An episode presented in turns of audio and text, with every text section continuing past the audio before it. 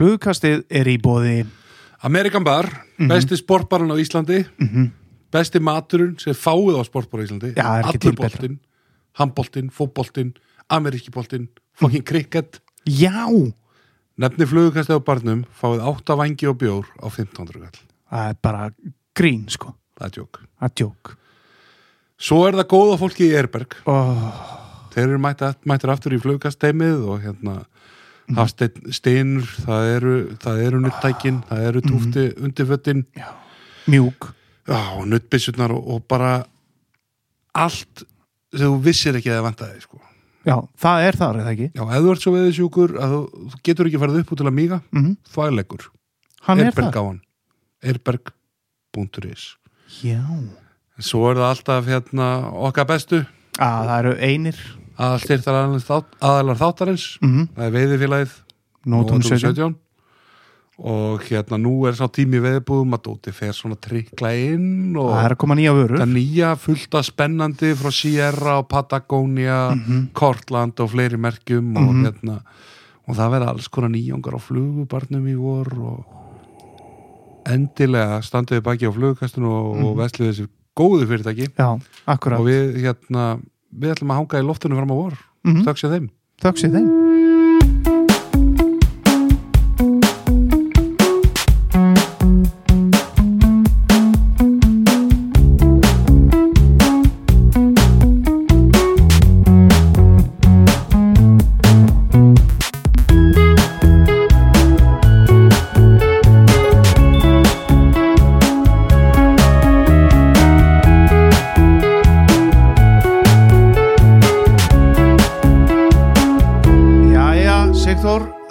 það er komin fimmtudagur, ég ætla bara st- staðfesta, ég er farin farin að vera betri í þessu og hérna ætla nú bara, Það er að halda Hér þess með að að- fimmtudöfum já, nú kemur þetta bara á fimmtug. það væri mjög gott Já, er það ekki? því að það eru bakarar að mæta snemmi vinnuna Nákvæmlega og, og hérna, við fáum yfirlega mikið að póstum þegar þú ert eitthvað að draga lappina með þetta já, einmitt, það er hérna fjölskyldan og vinna, það bara er, það verður bara að víkja já, já, akkurat, það verður að það er vikja. bara mikilvæg hluti lífun Nákvæmlega, en það er blóðmörsbólur í dag, Sigþór. já, hérna, ég ætla að hljós- fyrir hérna fallega Guð. ból,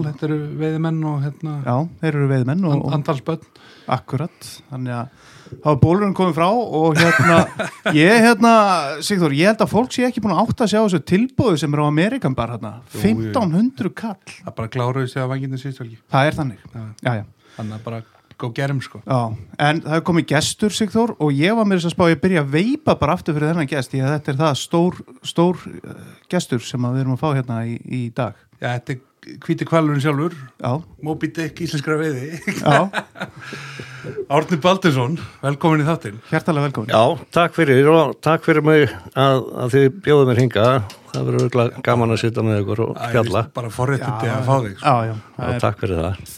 En hérna, þú kemur vel undan áramótum og annar, þetta er eitthvað flens í þér og svona, en, en svona eh, rísandi, sólinu farin að stíga og hérna, steytist í sísón. Já, já, hann er búin að vera töluðu svól hjá mér ég, ég fóð til Seychelles eiga fyrir jól já, í tíu daga og svo eitt ég hérna jólum og nýjárunu í, í Valencia með fjölskyldunni Já, já. Þannig að, en ég náði mér í flensu þegar ég kom heim og er búin að vera veiku núna í ykkur tólf daga, þannig að ég svolítið hás, en þetta er að koma. Já, já, Æ. við, við fyrirgefum átnað það. já, já, já. En hérna, við byrjum alltaf bara á. Hvar, hvar er svona fyrsta minningum veiði hjá þér og... Hún er nú þannig sko, ég er fættur og uppalinn og sleitt uh, batskónum í Norðamýrinni Mm. og það var svo sem ekki mikið um veiði í Norðamýri en, en við fórum í svona túra á ferðir á puttanum uh, Þingvallavatn stálust í elluotnar Ná. erum og svo svona sitt lítið að hverju en meiri sér fyrir þann tíma bara því að var svona 5-6 ára að þá var ég svo veikur af veiði dellunni að pappi smíðaði hjólísi handa mér og mömmu og tók á leigu hluta í Varmá í hveragerði Já. já. og þar var mamma með mig í 2-3 mánuði allt sumarið. Nei. og þar var ég bara 5, 6, 7 ára gammal Já. og þarna veit ég mína fyrstu sílunga og fyrstu lagsa og, og bleikjur og allt hvað eina. Og þetta var stund af miklum krafti sko. Á nóttinni þá lagði ég línur með önglum og ánumöðkum og daginn að þá veit ég spún og flug og maðk og svo að veit ég um á mótnana og það var alltaf tölur afli Þú er ekki verið með álagildur líka bara? Álagildur líka þetta var svona þetta var svona fyrsta úgerðin hjá, hjá mér í veiðinni sko. Hvar, þú, þú náttúrulega snertir svo varma og aftur setna en hvað Já. var þetta í, í, varma og svona, maður, maður heyrir ekkit mikið átt um varma og svona frá fyrir tíð sko. þetta var svona mamma var með hjólið sig upp við hvað heitir það, Guðvidal Já, já, bara eins. já, þar upp frá og svo lappaði ég bara einhver einn og halvan kílómetr upp yfir og, og ég lappaði mér þessu alveg nýri hveragerða veiða sko. Já. Já, þannig að ég var alveg um alla á en með þryggja mánuða veiðilvi Þetta er náttúrulega bara... gali sko. Ok, þannig að það má eiginlega segja að þetta hafi allt byrjað svona í varma. já, þetta byrjaði raunverulega í Varmá síðan þegar ég er 13 ára þá flytjum við upp í Árbæ. Já, og þá er náttúrulega er við búum í þykabænum 100 metra frá 11 ára Já. mjög frestandi og Ég held að mjög, allir viti hvað við erum að fara þarna. mjög erfitt fyrir ungan drenga að, hérna, að lifa við þetta. Já. og það var náttúrulega byrjaði að kaupa flottustu veiði græjur og það voru spúnastangir á þessum tíma. Já, mikið og, og ég veitti og ég veitti og veitti og veitti og pappi er ljóðskald og, og listamæður og hann held þetta mætti bara. Hann held bara að ég það eðlilegt. bara allir mætti að fara að veiði allir ánum og þetta var flott og, ég verði bara svona dugluður strákur. Og svo á kvöldina þá hjálpaði mér að, að flaka aflan og fara með hann í reik og vakumpakkan í litla pakka og síðan kerða mig út á kvöldin og við seldu reikta lag sem allan árbæinn og ég er stórgarætt og öllu saman Jesus. Þetta er almennilegt, og, og hérna en það var tjón líka því að uh, ég var tekin mjög ofta viðverðum og hann var farin að kunna á mig hvar ég var og klukkan hvað og allt þetta atferðli sko Voru þetta einhverju þekkti staðir sem þú varst á? Svona? Já, já, en ég var alveg svo mikið á kvöldin og nóttinu, sko. og hann satt fyrir mér og ég var náttúrulega krakki, þannig að ég fekk ekki nema bara raskillingu og, Já. en alltaf tók hann allt veiðdótið. æ, Það var alltaf tekið, þannig að þetta var, þetta var dýr útgerða því þetta alltaf að kaupa nýjar og nýjar stangir nánast daglega, sko. Salan og reykjalagsirum svona haldið þessu uppi. hún hjælt þessu upp og dugði fyrir þessu aðeins meira það, en einn daginn að það ákveðið að, að hérna kaupa mér flugugarauður já, og síðan fer ég nýri á og, og, og veið og flug og fekk tvo lagsa áður en hann grípur mig. Vastu hvað þetta er? Þetta var nú mikið sko, þetta var mikið svona f- frá stíplu og, og upp að gömlubrú, upp að hundasteinum. Já, Þetta var svona mitt heima, heimasvæði svolítið. En hann var svo hissa þegar hann sá að ég var með flugustöng hann sagði, Átni, ert að veiða flugu? Fyrst þess að lagsa flugu? Ég sagði, já, ég gerði það. Þá skaltu fara bara heim bæði með lagsin og stöngina. ah, Þannig að hann velunaði mig fyrir, sko.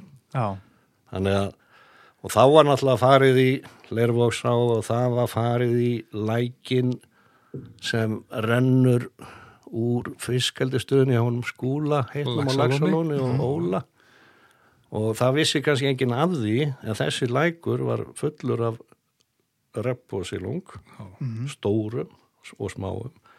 Og líka laxi. Já, og þarna var ég að skottast um alla daga og ég veitti kannski minnst á stöngina, þetta er svo lítill lækur já, að laxi lá undir bökkunum og sást ekki.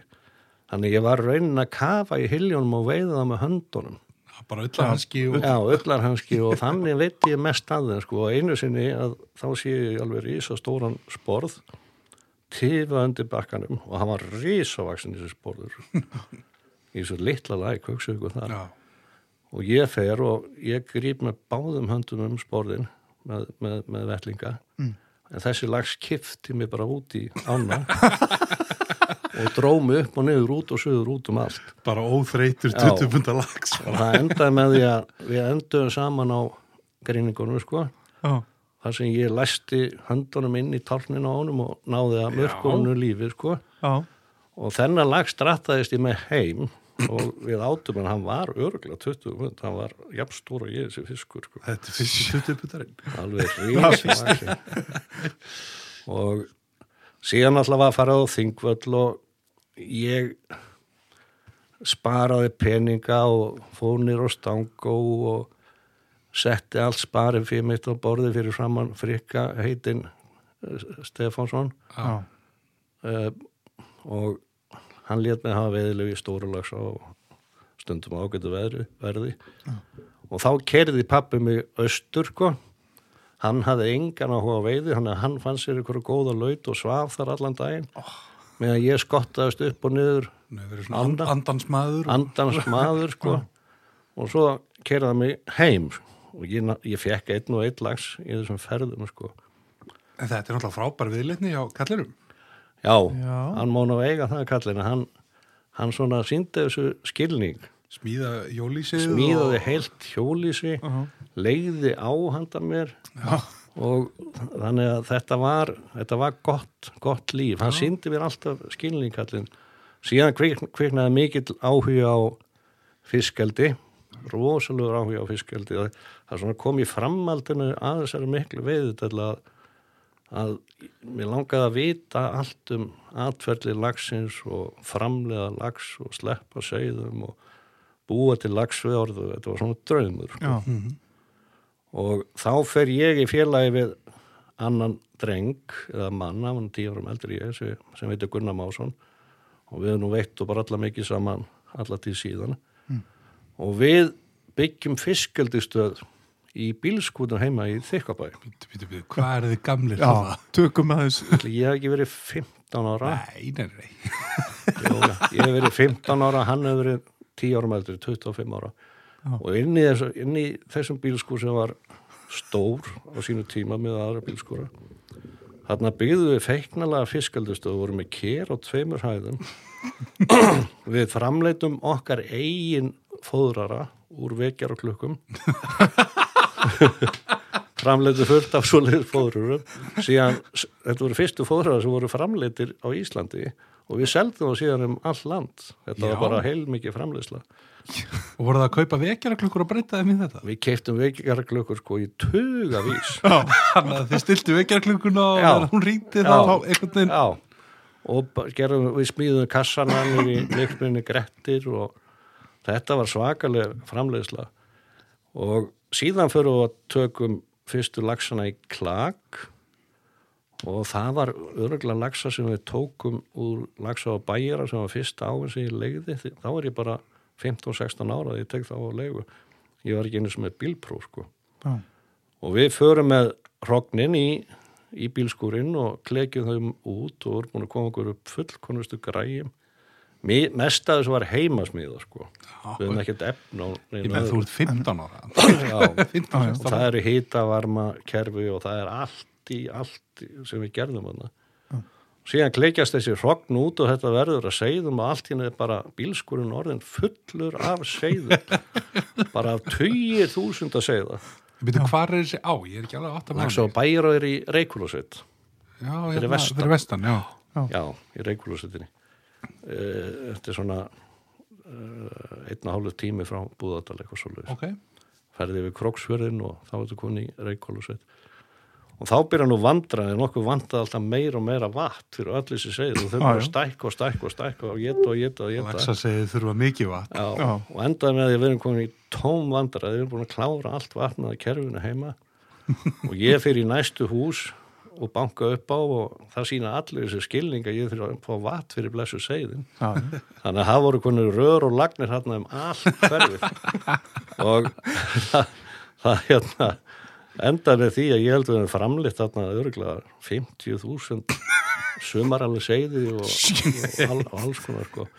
síðan seldist þessi stöð og hún var hún, uh, við seldum hana fyrir rest í, til já, það var nú endurinn á, á því, því æventýri sko.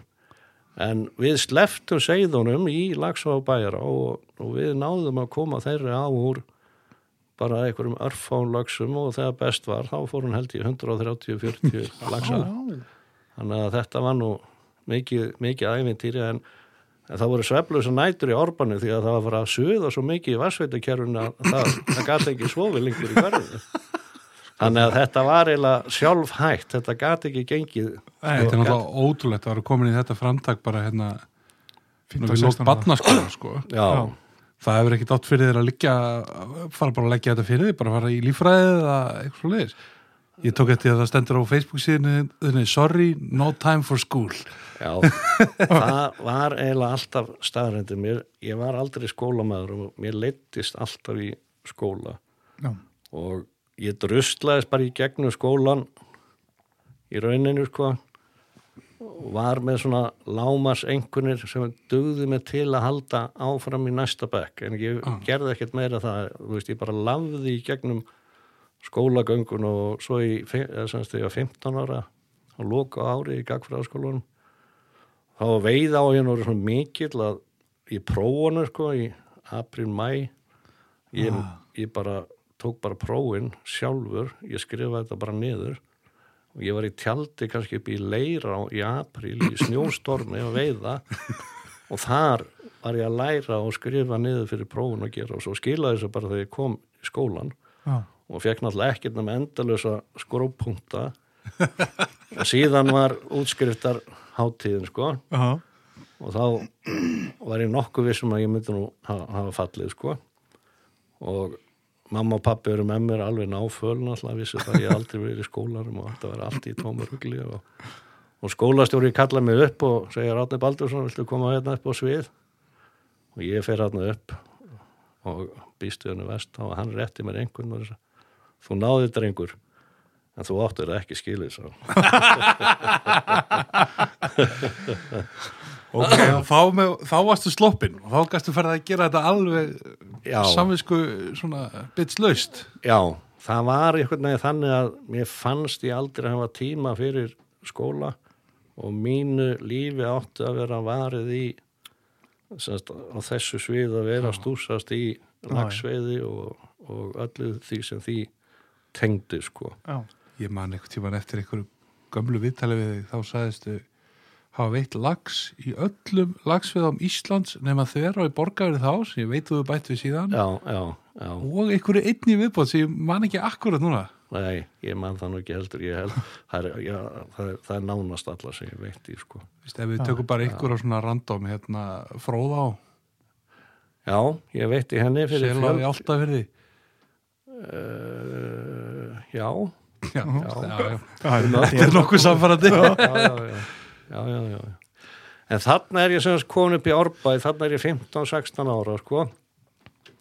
Og þá, þarna kynnist ég konu minn, henni Völu, hún kemur þarna og tröflar þetta veiði ferli Já. saman og, og ég verð ástfangina henni og, og það er nú einu sinni þannig að ég eins og var í gamla daga á þessum árum, fólk var bara fátækt Mm. Já, veist, já. það var bara ríkjandi fátækt á Íslandi Mhm. í minni barnæsku, sko, þá borðaði maður bara rogn og, og hérna og, og, og lifra hambúrgara og, Já. og loðnupítsur og, og þar fram eftir göttunum Já, sko. jú, jú, þetta var Já, svona já. sko. já, en vala kemur að sko, efnari ef, efnaðri fjölskyldu heldur en Já. við vorum sko. ég var náttúrulega bara bláfátakur sjálf og átti ekki neitt, ekki eina krónu Já. ólærður og algjörlega svarti sögðurinn í hverfinu sko. Algjörlega óalandi, óferjandi Já, og, og, og vala kemur á svona fínni fjölskyldu sko. mm. og við verðum bara ástvækin og, og við verðum bara ákveðin að þetta, við hefum bara verið að saman það sem eftir er og, og vala fer og kynni mig fyrir fóröldrunum sínum sko fyrir Melbæ og þar er ég í gúmiskónum mínum og í svona skinnvesti sem var ekkert nema hristur og blóð og, sem mamma hefði saumað handa mér Já. og það, mamma er að völu optar hurðina fyrir algjört sjokk bara, þarna sá hún líka strákin sko, sem hefur alltaf verið að koma í apotekki að kaupa spritt og leggja á það og selja það aftur og þú veist, hún var, hún var ekki hrifin Nei.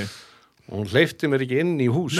Já, og svona liðu vikur og mánuður og ég mátti aldrei koma inn í þetta hús. Nei. og ég, hvernig gæti ég sofið með völu ef ég mátti ekki vera inn í herbygginu þannig að ég tók bara upp á því að eina nóttina ég fer bara að græja með skrújátn og græjur og í svona belti og príla upp hérna niðumfars rörið, já, drenið upp á þriðju hæð, hún svaf á þriðju hæð, ég vissi það sko. Já, og ég vissi alveg hvar hún svaf og ég græja með þetta allar upp og, og þetta er næsta herbyggi eh, búa svo tjónin. Og ég fer varlega og ég skrúa gluggan úr og smegi mér inn og sef hjá völu.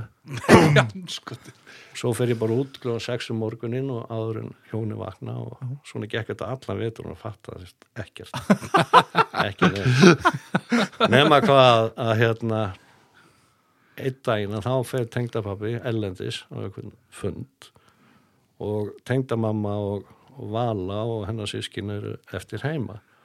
Þetta var fyrir þú veist GSM símana, það var ekki sími. Já, það var ekki sem gæti aðvara með hvað var í gangi um það byrja að gerast. Það er þannig að hún endur skipulegur húsið flytur hjónaherbyggið inn í völuherbyggi og vala fer inn í annað já. svo kem ég náttúrulega nóttina alveg reynd sultu slagunum sem vannilega og en nema kannski á einum stað?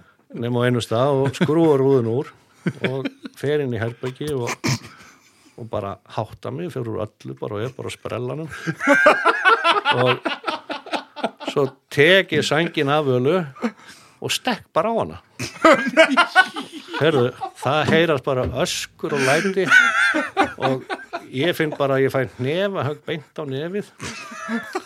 Þá er þetta tengdamamma Já, skotin. og hún verður svo reið að hún hleypur og eftir mér með allt herbyggið og ég átti enga kost annan að hoppa út um gluggan á á þriðju hæð. Ég vildi freka degja heldur Á, á að lendi í henni. larfinum bara. Í janúar.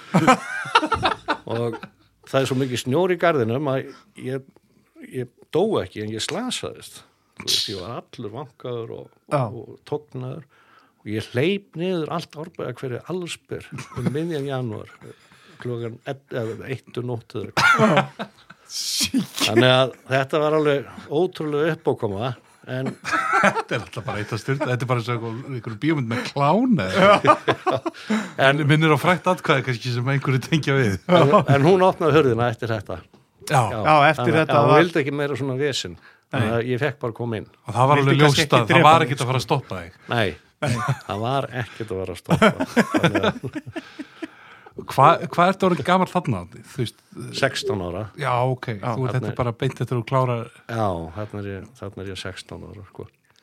Já. þannig, að, þannig að þetta var nú svona svolítið æfintýri í kringu þetta. Ég náttúrulega get alltaf sagt við er með eitthvað leiðindi þá kvísla ég, ég eira á henni þú veist alveg ég sé það allsbera og, og þá, þá þá þagnar allt sko. Já, þá er allt búið Svallið í ljúa lög já, já, já, já. Þetta er alltaf bara e- eitthvað ótrúlega séu heilt þetta.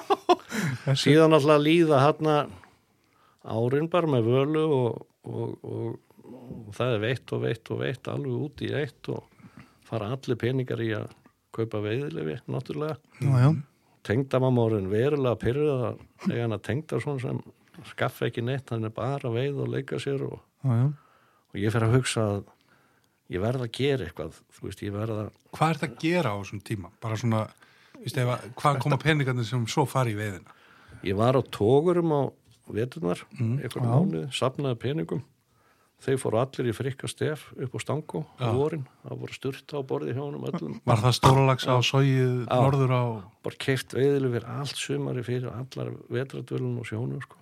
Fóru Já. allt í stangu og svo var bara haldið til veiða og það var bara veitt allt sumarið og síðan var ég aðeins á bleiksmjönni Grettir þegar ég var uh, þessum árum líka og það eru veiðamenn sem eiga Grettir eða áttu Grettir á þeim tíma, það var Ingibergur gamli og, og sinnast tveir, Svenn og Giggi. Og ég náttúrulega gati ekkit verið í vinnunni, þeir sáu það fljótt sko, er bara mæ, apríl þá bara Já. átt ég var duglegur á veturnar sko, en á sömurina þá bara fór ég. Já, en þetta voru svo góði kallar og þeir voru báði veiðimenn sko, allir veiðimenn, bræðurnir og pappin og sínirni Svennu og Giki að, að hérna ég var bara á launum. Já, ég bara veit allt sumarið ég mátti koma og fara það ég vildi og þetta var svolítið sérstætt fyrirkomlega en ég var bara á launi hjá þeim. En á móti koma ég var rosalega dugluður og veturnar og vann kannski fram á nótt og, og djöflaðist áfram en, en að þú hefur svona unnið það upp. já ég vann það upp. Þetta var svolítið merkilegt að, að hafa þetta fyrirkomlega, þetta var þegjandi fyrirkomlega ég þurfti ekki að byggja um frí. Nei. ég bara fór svo þegar átni mætti ekki vinnu þá bara hann er bara veiðadrengurinn það er bara þannig. Já, já, Það hefur nú verið heppin hana. rosalega heppin. Skilningsríka yfirmenn indislega yfirmenn og, og, og góði, góði vinnu ég setti mér þessum fiskildust og ég gretti líka. Sjálfs. já, já, Auðvitað. það var þar ker og hrogn og alla græjur sko. það var, Já, Þetta er náttúrulega, þetta er náttúrulega, já, ég veit ekki hvað maður að segja bara. nei, þetta er Stórbrotin saga, sko. þetta, er, þetta er svolítið, svolítið gaman að þessu Og erum- ertu komið með bílprófendalaga.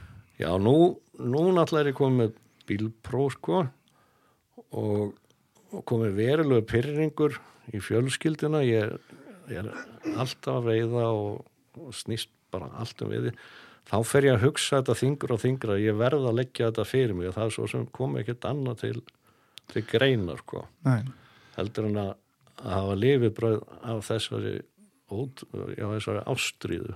Á þessum tíma er þetta náttúrulega öðruvísin í dag. Þannig er einhverja svona auðsti, auðgrúpur með einhverjar ár og já, þú gæst ekkert, eins og þú segir, bara slippur og snöður. Drengurinn komist í einhverja leiðsögn eða... nei, Nei. það var ekkert þannig. Nema ég hafði tekjur af Laxá og Bæjará með Gunnar Más við vorum að dingla þar og gæta og selja veiðilefi og ja, þú veist eitthvað að gera. Og það voru smá tekjur af því. En síðan alltaf þegar ég er orðin 20, alveg ekki 23 ára þegar þetta stóra tækifæri kemur upp með í kjós þegar hún kemur á markaðin sko. og þá hugsaði bara þú veist, þetta er tækifæri þarna, það er komið. Veist, þetta er bara málið, ég verð að ná þessar á og þá bara fer allt í gang og, og hérna fjölskyldan getur fara að róa sig og svona og ég er náttúrulega En á, sko það er ekkert gefið að bara einhver maður bjóði ykkur á það þarf að borga fyrir það líka. ég man ekki hvað það var á þessum tíma hvort það var 15 miljónir held ég Já. ef ég man rétt og ég átti ekkert þú veist, já, maður bara berjast í að borga bílinn og bensín og svona og fóra allt í veiðina, hver einasta króna. Og ég býði ána og rekna þetta allt saman út og kortlaði þetta algjörlega og, og ég býði ána 15 miljónir og það kom eitthvað tíu tilbúði ána og ég var hæstur. Já. og það vissi enginn um að ég hefði bóðið þetta sko. Og síðan er bara haft samband við mig bændunir og segja bara hátum minn þú ert með hæsta tilbúðu og erum að hitta þig. Líka hvernig þú ætlar að borga þetta og ganga frá þessu. Já. og ég er náttúrulega alveg í sjokki maður hvað 17 ára gammal 15 Bindandi tilbúð. 15 miljónir ég segi yfir völu frá þessu og við erum eitthvað að klóra okkur í hausnum yfir þessu hvernig hefum að gera og þá kom þessi hugmynd upp að ringja í skúl og bolla Já. ég vissi ekki hverju voru. Það er ekki hugmynd um það, Aldrei tala við það. aldrei tala við það vissi ekki eitt eða neitt. Þetta Ég er vissi að- bolli í, sau- í 17 og Já, Skúli í tjekkrist. Já. ég vissi að þeir þekktu sko. Já. Þeir voru miklu vinir. Og ég ringi í þá og segist hafa handaðum svona business proposal. Já, guttin já, já, þeir voru í að hitta mig og, og hérna, og ég seti þetta á borðið fyrir þá Mm. og þeim leist svona rosalega vel á þetta alveg um leið og segja bara við látum það hafa peningin, hann er ekki ágjörð því átni og ég fer upp í kjós með þetta og það er búið að rætta pening og við fáum ána já, Þetta er veturinn 87, 88. Átt- já. Já. og það verður svona heldur mikið írafár út af þessu sérstaklega á stang og þeir voru rosalega reyður og sárir sko að því að þeir ætluðu sér að ná án, ánni sko. Já, Hún er náttúrulega rosa heit á þessum tíma þetta var, þetta var á Þetta var áinn, sko. kjósin á þessum tíma var áinn, Já, þetta var bara demanturinn í íslensku lagsvið á, á þessum tíma. Og það var náttúrulega allt vitlaust þarna á tímabili sko og, og ég man eftir því að, að Frikki, vinnu minn hann, heitinn, hann og látin blessi minning hans að hann sendi mig bregð það sem ég er rekin úr félaginu út af þessum út af þessu Þessum þessari já, það var náttúrulega og held ég, veit ég hvort það er það er sem sagt þannig að félagi stangveiðfélaginu með ekki bjóða á móti já. í útbóði í Já, já, já. En þeir náttúrulega voru ekkit með þessa á. Hún var bara ekki, hún var ekki þeirra flóra á þessum tíma, sko. Nei. Þannig mér þótt þetta nú ekkert sangjant, en ég var ekkert að mér upp við þetta, mér var eiginlega nákvæmlega sama. Já, þetta skipti ekki máli en þú erst komið þína á og þá þessi skipti máli Fultur og lögur. En freki hjælt að ég ekki fengi brefið, að því ég svaraði ekki. Þannig að hann kom með annað bref og, og færði mér það sjálfur. að ég fekk tvö.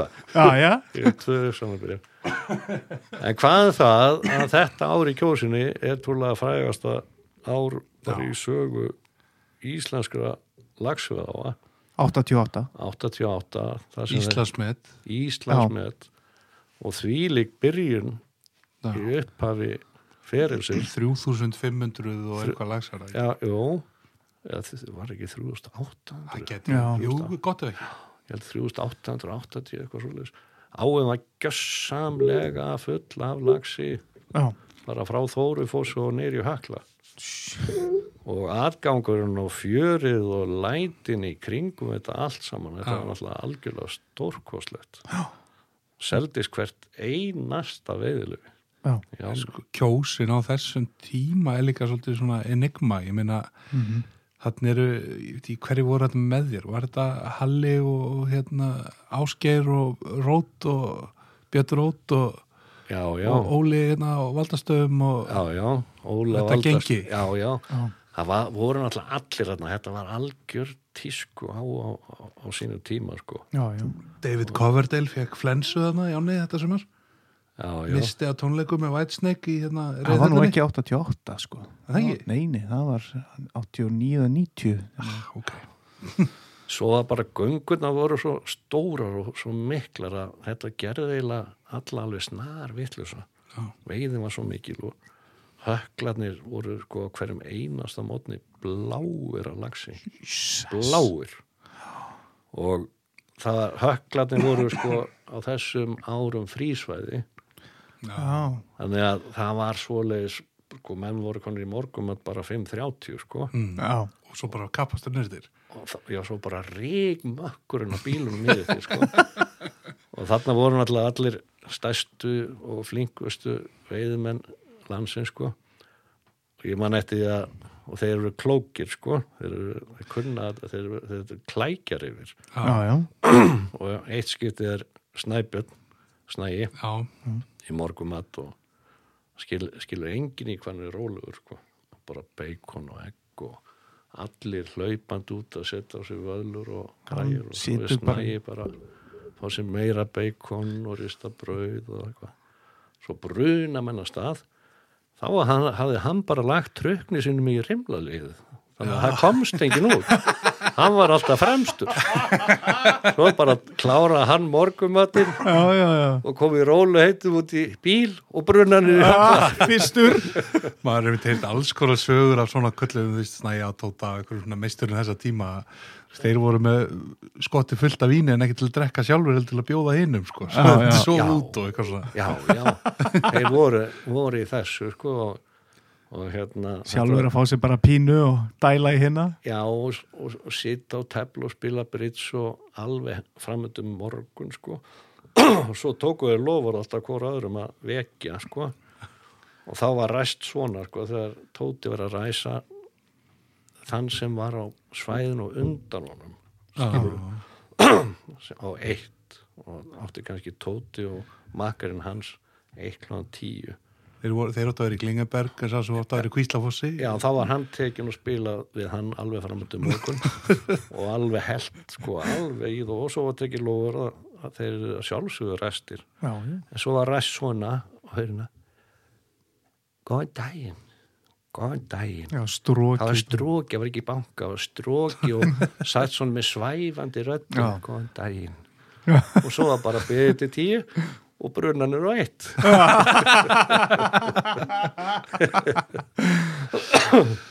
Já, þetta er náttúrulega verið, já, ótrúlega ævindir. Þú ert að byrja hérna fyrsta sumarið Íslasmeti lagsvegi. Allir hús hú vilja veiða í kjósinni, þú ert allt í einu orðin já, eh, einhvers konar f- frelsari hérna í veiðinni nafn og já, bara orðið stórt nafn í veiðinni og já, það byrjaði með, með þessu sko, þetta var þetta var stóra skrefið í, já, í upphafinu. Já. Mhm. Engin og þannig varstu líklega að eiga pening líka. Já, já, þarna urðu til peningar. Sérstaklega fyrstu árin það gekk svona vel, sko, 88 89 var líka ágætis ár og, og 90 svo náttúrulega fór að fjara undan þessu aftur, þetta var allt svona allt svona venjulegt, sko Helduru að þessi sprengja sem kemur hann að leita eitt í kjósunni tengist eitthvað eins og kollafjörastöðinni og, og því að? ekki 88, þá var engin er þetta að tala um eldisfiskar, svoleiðis Bara hafbeitar eh, businessin sem var þar, skilur, hvort þetta hefur verið að sullast eitthvað á milli eða? Ég held ekki, ekki 88 en 89 þá var einhver skrattin á segði því að við fengum þó doldið mikið að lagsi sem var eldislags. Mm. þú veist, það var bara mikið já, sem vantaði trínið á og, og eirugana og maður sá það bara. Já, já, en við gátum alltaf hýrt á alla upp að því þeir vildi allir geta Já, já, já. kattarinn. Og þeir komast ekki upp fossin, lagsfoss, þeir voru svo vitlusar að fundi aldrei stigan Ah, Þannig að við náðum alltaf að reynsa allt upp alveg frá lagsfósu og, og niður úr. Og þeir voru mest trippnir svona litlum ánamöðku sem voru svona eins og þú veist eins og já, þannig að það tók það bara alla það var, það Ekkert mál. Nei, það var allt, það var allt hýrt sko. Það er nú fræg, saga minnum, eða fræg, ég veit ekki hvort það er fræg, en ég las það eitthvað staðar að hérna, þeir voru að skipta gróðanum hérna eftir fyrsta sumarið í kjósinu, þá var bara allir penningur settur í, í brefpoka og svo bara styrta á borðið og allir átt að grípa þess að gáttu. Já það var, það var þannig að ég var náttúrulega yngstur og sneggstur Snegg- og ég náði öllu. En hvað hérna, þegar þú ert þarna með kjósuna, svo náttúrulega vitum við alveg að lagsá koma að miklu, miklu fleiri á með það. Þú veist, fyrir, ertu þarna ennþá með lagsá í bæjará og, og fer, að, fer að bætast í og... Já, við vorum með lags á bæjar og hann ennþá, ykkur ári viðbútt og, og hérna, af svona sprænur, Víðidals og í Stengrisfyrð og eitthvað svona, en Boll og Skúli vildi ekki koma nála því, ég var að, með það allt sjálfur, þau kalluðu þetta eitthvað, já, Polla og Sprænufélagið, ég mátti eiga það, ég mátti eiga í það, Kaldari sletti ljósi hérna vastuðunar í í kjósi í sumar. Já, nákvæmlega sko. Þannig að við vorum saman í þessu stúsi alveg til 2003 Já, það er svo lengi. Nú, já, þá kallaðir nei, nei, nei, 93. nei, nei, hvað röglega já, nei, 93 Já. var þetta, já, 93 Já, já. Þá kallaði þeir mig á fund og segja að, að, að þeir hafa hjálpað mér í upphafi en núna get ég bara flóið út úr hreðrinu sjálfur. Já, og nú er ég bara, þeir vilja að ég kaupi þá út ég, Ekki, ekki drauma frétti fyrir þig vandalega, sér fyrir að þurfa kannski að borga stóran pening. Já, já, ég er náttúrulega döðskjálkaður sko. Og þessu að ég ætti að eiga þetta það hefði alltaf átt að vera þannig og, og ég spurði hvað, hvað þið vildi fá fyrir hlutin sinn þegar áttu þá 66% á móti mín eitt þriði hver sko. Já, þá var það ein krón á mann. Já, Já. Þannig að þannig og þá náttúrulega var ég orðin einn í lagsá og, og síðan hjælt þetta bara áfram Mm. bættum við okkur ám og annars líkt þannig að þetta var nú skemmtilegu tími með þeim félögum Já, mjög svo en þetta er náttúrulega ótrúlegt svo þú ert þarna um aldamótin þá ertu orðin bara stæsti veðilega sal í heimi, má segja. Já, ég var nú mjög stór á tímabili eiginlega allt og stór sko. og tímabili náttúrulega var ég með hvað út með Víðdalsá, miðfjörðar á, blöndu, Svartá, svartá, já. Lags og Ásum, já. Langadalsá, Hvannadalsá. Varmá, Varmá, Eistirarangá, Ytirarangá. Þetta var alveg óðbóðslega mikið á sínu tíma og kannski erfitt að sinna öllu þessu persónulega. allt og stort. Mynda samband við bændurna og allt það eins og Já. þarf að vera eins og, Þetta var raunverulega orðið helming og stort já, Já. til að geta átt þessi persónlega samskipti bæði við bændurnar og veiðumennin Mhm. og starfsfólkið og allt saman sko. og þú þeir hefur verið smurt þund þarna á sumrin, svona, þú verið bara á bílnum að reysa á milli. Já, ég bara átti heim í bílnum allt sumar, ég keiriði bara úr einna á í aðra. já, Við náttúrulega vorum kannski með 50 gæta þarna á tímabili þegar mest var sem var í vinn okkur með einast degi já, og ég er ringjandi í alla, allan daginn alveg hreint og Og þú þarf náttúrulega að hitta alla þessa menn sem er að kaupa þessi dýri leifi og Já. hrista spaðan og Já. kannski taka dinner og Já. eitt viski eða eitthvað. þetta var rosalega óðbúslega byssu í rauninni allt og stort þessi bransi eiginlega er þannig að þetta er, þetta er trúlega vesti vesti bransi heimi sko, peningilega séð. Já, Þú veist, þetta er bara ástriðu þetta er bara ástriðu bransi. Menn, Er- er það, sko? menn hrópa hurra sko eða þeir tap ekki skilur mhm, það er engin að rosalega háar uppæðir og þunnar marginur. já, það er engin að græða á þessu. Þetta er, þetta er bara svona þetta er passion fyrst og fremst mhm, En átni, nú sitjum við hérna í dag, janúar 2019. já, Uh, berum lags svo sama við það sem við vorum að tala um um aldamóti eða bara, fyrir, bara í fyrra eða hitti fyrra eða þurfum svo sem ekki að fara lán. Þá er náttúrulega ljóst að, að svona, þú ert að gera breytingar í þínu rekstri og þetta leigutaka fyrirkomulega sem var svona aðeins að koma hérna inn á þar sem að þú borga bændorum eitthvað að háa uppæð og, og vonast til þess að geta selta kannski með 20% álagningu en já, já ert að missa trúna á þessu? ég veit ekki, ég er náttúrulega ég er búin að vera í þessum bransa í uh, 30 ár. Mhm, og maður svona, það kemur ákveðin þreita í þetta sko. Og nú er komið fullt af svona yngri og duglegri mönnum alveg feskir sko og bara flotti leigutakar sem Mm gera þetta rosalega vel og, og örgulega miklu betur en ég að því að þeir eru svona veist, eru svona þú veist, þeir eru bara svona horni að, setja allt sitt stolt í þetta sko. Þannig að, að hérna ég held að, að eftir þessi 30 ár þá er ég svona uh, pínlítið út brunnin sko. Já, ég hef ennþá rosalega áhuga en ég hef ekki enn áhuga að taka allar þessa ábyrð nei, lengur, ég hef áhuga að vera að selja veiðilefi vera í kringum veiðimenn og, og stúsast í þessu alla daga. Og veiða og veiða. Já, já. já, veiða alveg og hægt er sko. en ég er þreyttur á þessum gjaldum, þessari ábyrð og eins og ég segi það eru það eru yngra fólk og, og miklu betra fólk heldur en ég er í dag sem ger, tekur þetta að sér þú veist, og þú veist, það nennir þessu. En Það ef við horfum líka bara á já er ekki þessi þjónustaborðan á dýr líka? Þú tókt lagsau kjós á leið á 15 miljónir þú fengir hann ekki á 15 í dag. Nei, ég fengi, fengi hann ekki eins og 50 nei, nei. þú þarft að og með helmingi færri lögsum. bæta 60% ofan á 50 til þess Já. að fá hana já, myndi ég halda. En vandamáli í þessu er náttúrulega sko það, það er mikil eftirspunni eftir veiðilögum á Íslandi sem er náttúrulega mjög gott.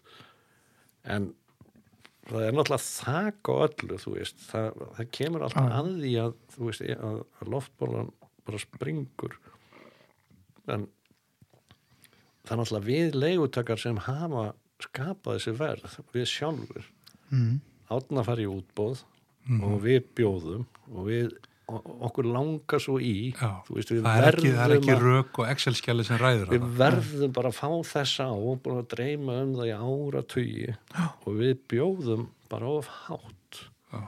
og svo það er uppi staðið að þá annarkvort erum við að tapa einhverjum peningum. Bestafalli að vera nulli eða einhverjum krónum betur sko. En þetta er, þetta er það, það, það, er- það er ekkert eftir. Nei. nei það er ekkert eftir nema hvað að þú við erum að fá eitthvað svo mikið út úr þessu að fá Já, já. að stússast í þessu sko það, það er náttúrulega eh, já, að einhverju lit eitthvað en kannski ekki hvað mann segja góður eh, pallur til að byggja hérna fyrirtæki á eða Nei. Að vera alltaf með að láta alltaf stjórnast að því hvað er langar frekar en eitthvað sem að buttan segir. ég veit að það er nefnilega það sem maður gerir. Maður lætur stjórnast að því sem mann er langar og maður er búin að gera alveg fullt af mistökum í gegnum Já. hæfina Já, já. út af því að maður er sko svo ég allt og fljóttvær og maður bara hugsa að þetta þetta já, verð að gera þetta. Verð að gera þetta. En ég ég held sko að ég held að þetta sé komið í svona eitthvað balans núna mm. og ég held kannski að allir haft gott að því að fengi þessa ras raskellingu í fyrra já, og við vorum allir raskeldir veiði með leifutaka landi alveg allir löðrungaður sko. Mhm. þú veist þetta var bara svona raunveruleikin að Já. hrundi allt í kringum okkur já. ekki vatni fiskur og ég held kannski að svona að það hafi gert okkur dálitu gott og svona róa þetta aðeins niður Já, ég held það sko. já, menna við sjáum eins og það gerður samningur um blöndu en hún fer ekkert beint í útbóði eða svona Nei, þarna sérðu þau sko Mm. það, er, það er verið að ró það er, þetta er svona Að koma róast. balans í þetta að það vill enginn þessi átök og hennar djögulgangi kringum þessar ár nú er landöðuna fannin kannski að velja sér leifu taka svolítið sjálfur Mhm. og frekar en það að setja því útbúð og fá hugsanlega einhverjum miljónum herra Mm. að þá kjósa er það að finna sér góðan samstarf aðila þótt að þið fái eitthvað aðeins minna, Minna. fyrir Við erum alltaf búin að sjá nokkuð mörg útbóð hérna bara svona frá því að Ísland fór rétt úr sér eftir hrunið þar sem einhverju kúrekar og undirritaðar með, meðtalinn og einhverju fleiri kúrekar já, hafa komið og lofað einhverjum upphæðum sko í útbóðum já, og verið sami við það og, og en svo náttúrulega er eitt að vera að lofa einhverju og svo annað að fá það sko. Já, Já, já. já, já, einmitt, ég veit það. Að Já, þetta verður, en þú ert náttúrulega ennþá samt að braska, þú veist, eins og þú ert að kaupa og selja veiðilefi og, já, og út um allan heim. já, já, já við, ég er náttúrulega upp úr þessu kjósaræfin því að þá þá hérna uh, það hefur kannski verið upp úr 2000 þá byrjaði að fara til Rússlands að veiða Mm. Já, 1995 fór ég reynda fyrst til Rússlands. Hverjir eru, sko, hverjir eru að fara til Rússlands að veiða á her, hersvæði 1995? Þetta lítur að vera eitthvað samansatt bara geðsjúkling. Já, það var það. og ég var einn af þeim. Er þetta, er hérna Já, Kristjar Sjöberg og, og Fröttin og Já, þetta er bara verið kleppslestin já. bara í lestinni. Við vorum hérna, við vorum með með þarna svolítið að hittast á flugvöldunum. Þannig að upp úr því sko, að þá byrjaði til dæmis ævendur í Rúslandi að, að hérna ég fer að veiða í kóláni já, og, og hérna kynnist þar rússum sem sem uh, sem kom mér í samband við þá sem áttu veiðréttin í 25 ára eða eitthvað svona já, og ég fer og hitta þessa menn um veturinn í Múr- Múrmansk og næ samningum um að taka alla án og leigu Alla. alla kóla Já, alveg. já. það er ótrúlega tímar í Rúslanda þessum tíma þetta er náttúrulega ekki hérna lags á í, í bæjar á sko, þetta er reysa fljót. Þetta, þetta er alveg og stærstur lagsar í heimi Já, já. ásamt því að ég tek líka lófi og kanga og leigu. Mm. ég tek uh, stóran hluta Ponói svæðir sem kallið Atsa og Patsa. Og ég tek þver á sér rennur í Ponói líka sem heitir Atsa. Og allt kom, er ég komið bara gríðalega mikil viðskipti í, í Rúslandi og, og sendi þetta 250 manns á ári í veiði. Og en fyrsta árið var rosalega bröðsótt fyrsta árið. Já. Og ég hitti þessa rússar og þetta er alvöru rússar sko. Veist, það er ekkert verið að spila neitt með Nei. þessa menn þetta er ekki einhver endur skoðandi í borgatúrunu. nei, svartir landkrúsir og Svarti leðjakar. Já, en fíni kallar ég átti uh, gott samstarf með þeim en fyrsta ári var erfitt og ég fer og sem við þá Já. og, og hérna og það er greitt bara ákveðnum gjaldum sko og ég borga og peningarnir fara einhvern veginn í gegnum New York eh, sem einhver par, sem þeirra partner býr þar og peningarnir fara þar Þetta hljóma nú kannski svolítið vafasamt. Já já, nema ég borga og borga og, og hérna og svo er, er bara fyrsta, fyrsta hópurinn að koma í lók mæ og ég flýg út eitthvað 15. mæ bara til að hitta alla og ganga frá gætunum og öllu saman og veiðúsinu og greið og, og þeir taka á móti mér og voða gaman og það er matabóð og, og drykki vodka og, og húlum hæ og nema, nema hvað þeir segja sko. Síðan hittust ég fyrramáli átni klukkan átta og ræðum viðskipti. Já, já, segi ég, ekkert mál. Svo er bara bankað hörðan hjá mig klukkan átta á hótelinu hótel Meridian og það er bara sköllótt og rússi í svörtum jakkafutum og get, uh, put your clothes on we are going for the office ok. Og ég fyrir út í bíl og það er gert á skrifstofuna og, og nú er ekki sami ljúi svipurinn og var gerðkvöldu sko. þeir eru allir mættir þarna fjórir. Og ég veist að það er eitthvað í loftinum og ég veit ekki hvað, hvað það er. Og þá segir árið við heldur lengra segir, ertu með peningana með þér? Stakar, kass. Þetta voru stóru peningar sko. Ég sem Og hvað mennir, ég er búin að borga ykkur allt saman í allan vetur og gældu no, no, no, no við erum ekki búin að fá einna, einasta krónu. Ég sé búin að senda þetta allt til ykkar manns í New York. Nei, sagði, þann hefur ekki fengið eina krónu heldur. Og þú verður að borga núna. Og ég sé hvað þetta er, þetta er rosalegt maður. Og ég ringi völu og segir að senda alla reikningana á þeirri greiðslunum sko. Mm, og, og hérna, hún sendi það og þeir taka það bara að rífa þau fyrir svama mig og henda þau tunnuna Þarna lítur nú að vera hann bara óttast ég við var lífið. svo Sko. stressaður sko ég var alveg og fólki mitt að koma fyrst og hópurinn þessu þeir fa koma, fara ekkert lengra heldur en á flugöllin þeir eru allir snúið heim það er enginn að að veiða söður. og þarna átti ég mig á því að þeirra partner í New York hann stál peningunum og Já. þeir trúa mér ekki en trúa honum þarna var ég búin að finna það út sko já, og ég fyrir að segja, bera þetta upp á hann sko, þá verða bara reyður og reyður og reyður og þetta enda með því að það er bara öskur og djöfulgangur og læti og ég bara rík út á skrifstofunni. Og, og hugsa með mér sko, það er, þetta mun ekki enda vel og fer mér á hótel. Og stuttur setna þá banka aftur og hörna þá eru þrýr menn fyrir utan. Og come, we are going out for a drive. Og þeir eru sko já, Það er bara komin ykkur að skor mynd þetta. að þeir eru vopn, vopnaður sko. Já, og ég svo nú ætlaði bara að fara með mig og skjóta skó mig. og og- ég held að þeir hafa ætlaði að gera það. Og svo sest ég inn í bíl sko og það eru þrýr fyrir aftan mig og svo bílstjóri og ég horfi alltaf í baksinni að býða bara alltaf eftir virknum hérna. Já, og fylgist með hverja einustu reyfingu og, og það stendur heima að við erum komnir út í skó á einhvern drullu slóða. Jesus og nú er ég með hurðina svona hálf opna að því ég ætla að henda mér út á ferð að hlaupa. Það er það sem ég ætla að gera, ég ætla bara að hlaupa. Já, og ég hugsaði bara, ég var reyna að finna einhvern góðan stað sem, þú veist, væri eitthvað svona smá bíl á trjánu sem ég geti bara hend mér út á ferðinni. Hlupið inn á milli trjána Já, bara, bara get out of there sko og, og hérna þá ringir síminn hjá aðalkallinum og hann svarar.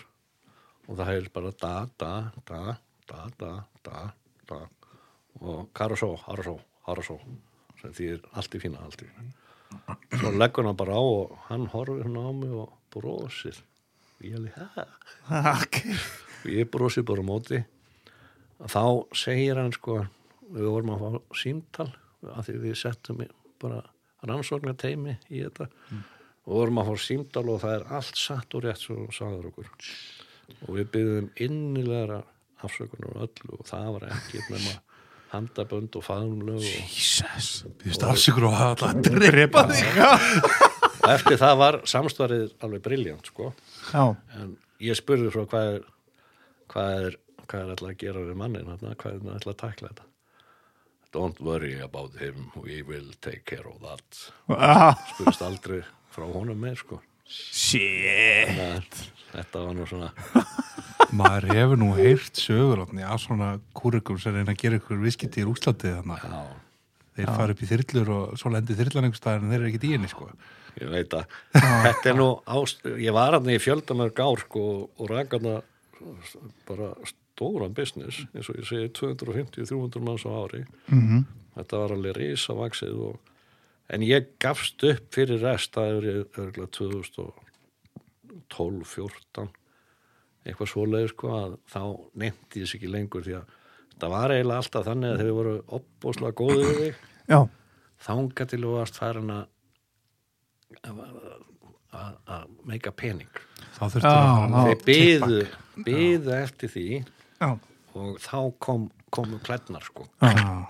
og læstu sig í því Já. þannig var þetta alltaf. Þannig að ég einhvern veginn fannst þetta ekki vera peningana virði að st- nenna standi Nei, nei, skiljanlega eiginlega þannig að ég var með Lóri og Kanga þarna á leigu allir þessu ár og, og eitt, það var endaleg ákvörðu sem ég tók þá og ég sendi þarna 250 dollara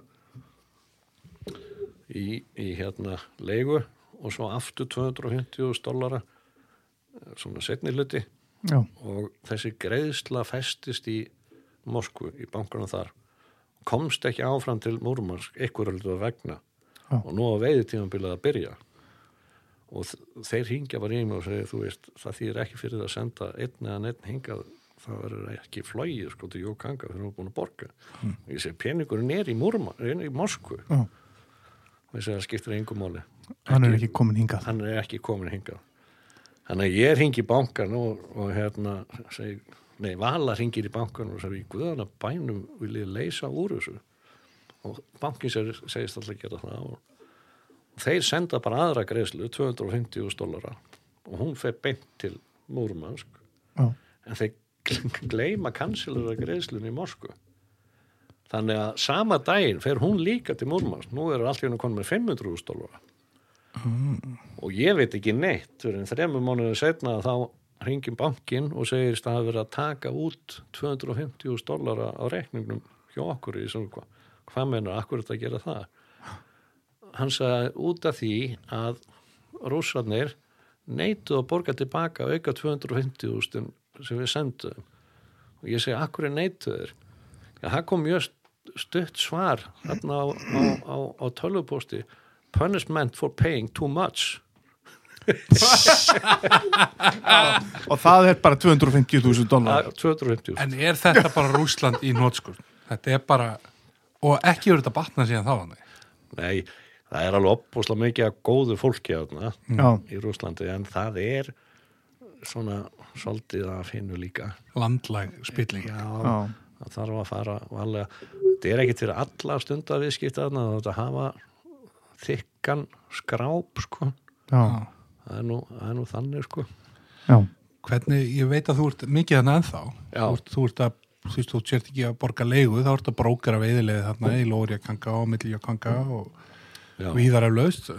já, Um, nú erum við að horfa á Rúsland, þú veist, það voruð þarna þyrluslis, það voruð kanseleringar út af, hérna, einhverju svona innri pólitískum átökum sem að kannski við vitum ekki alveg hvar byrja á enda eða þú veist það kannski. Já, og það er hérna leiðsumar sem að Sergei sem að druknar hérna eða fær hjarta áfall í áni eða Já. öllu loka, allir sendir heim. Já, heræfingar er þetta eitthvað svakaleg pólitísk átök sem eru þú veist, það eru menn að tapa þarna sko stærri peningum með já. 250 dólarum já risavöxnum pinningum ég held að þetta sé eh, mikið til pólitík.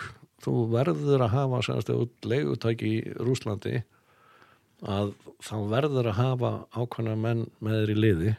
Mhm. og þú þarft að gera eitthvað fyrir þá líka Já. eins og sem við, viðast annars þar að þetta er, já þú þarft að gera eitthvað fyrir þá líka. Þeir eru vanir að fá sitt trítment og annars slíkt sko.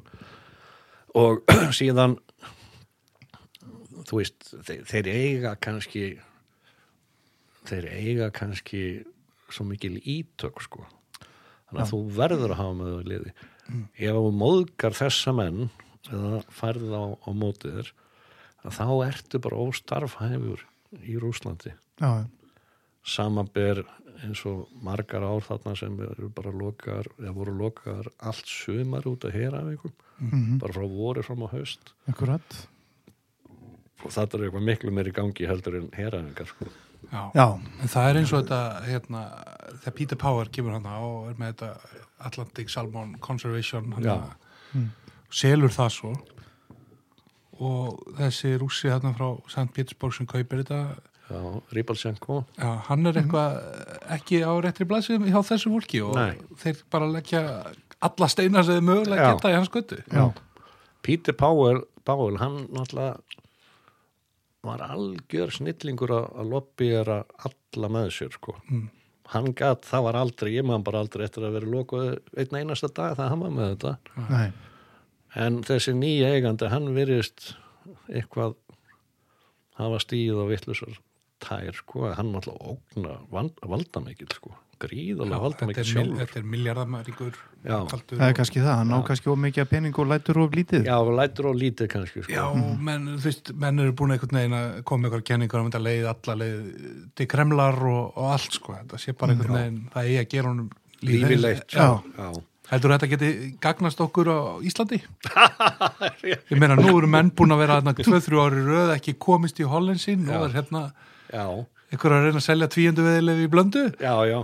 Þegar þú lítur nú að vera Já. búin að ringi nokkra, ertu ekki búin að gefast upp á hérna Rúslandi? Og, Þetta þetta mun hafa áhrif auðvitað, ég meina eitthvað, eitthvað verða þessi menn að fara að veiða já, já, Þetta er fík, Þetta er ekki hætta þér. Nei, Nei, við nei. getum ekki nei, nei við viljum bara meira alltaf, alltaf meira og meira sko. þannig að ég held að allt svona vesen eins og er í Rúslandi það gagnast okkur það er ekkert vesen hérna heima Nei. aldrei nei, Ekki operation. Nei, Nei, allt 110% í gisting og fæði og bestu gætar í heimi hérna á Íslandi Þú segir það? Já, engi spurning er, það er gætarnir gætar hér á Íslandi þessi ungu strákar, þetta er náttúrulega því líkir snillinga bæði ungir og, og, og eldri, Eldri. Er, ég hef aldrei séð annað eins þetta er náttúrulega bara þetta eru gaurar sem eru svo tæknilegir veiðimenn sko. Og þeir kunna svo mikið og ég bara séð það að því ég hef sko verið að gæta með þeim og veitt með þeim. Og ég veit alveg hvernig þeir eru. Þetta eru bara snillingar og það er ekkert grín og sé bara hversu góð þeir eru að stundum er ég að veiða og eftir þeim. Já. skilur við Mhm.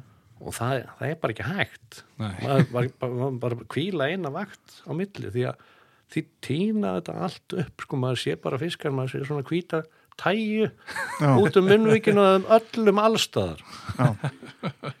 og en, en þeir eru sko þú veist, þeir eru svo flottir veiðum en þeir eru ekki Já. svona grottar þetta eru sko lit, lit Það er ekki verið að leggja fyrir grindalið og Nei. eitthvað svona. nei, örflugur, mikrohits Mhm. þunnir taumar, þetta er allt svona sportlegt sko Já.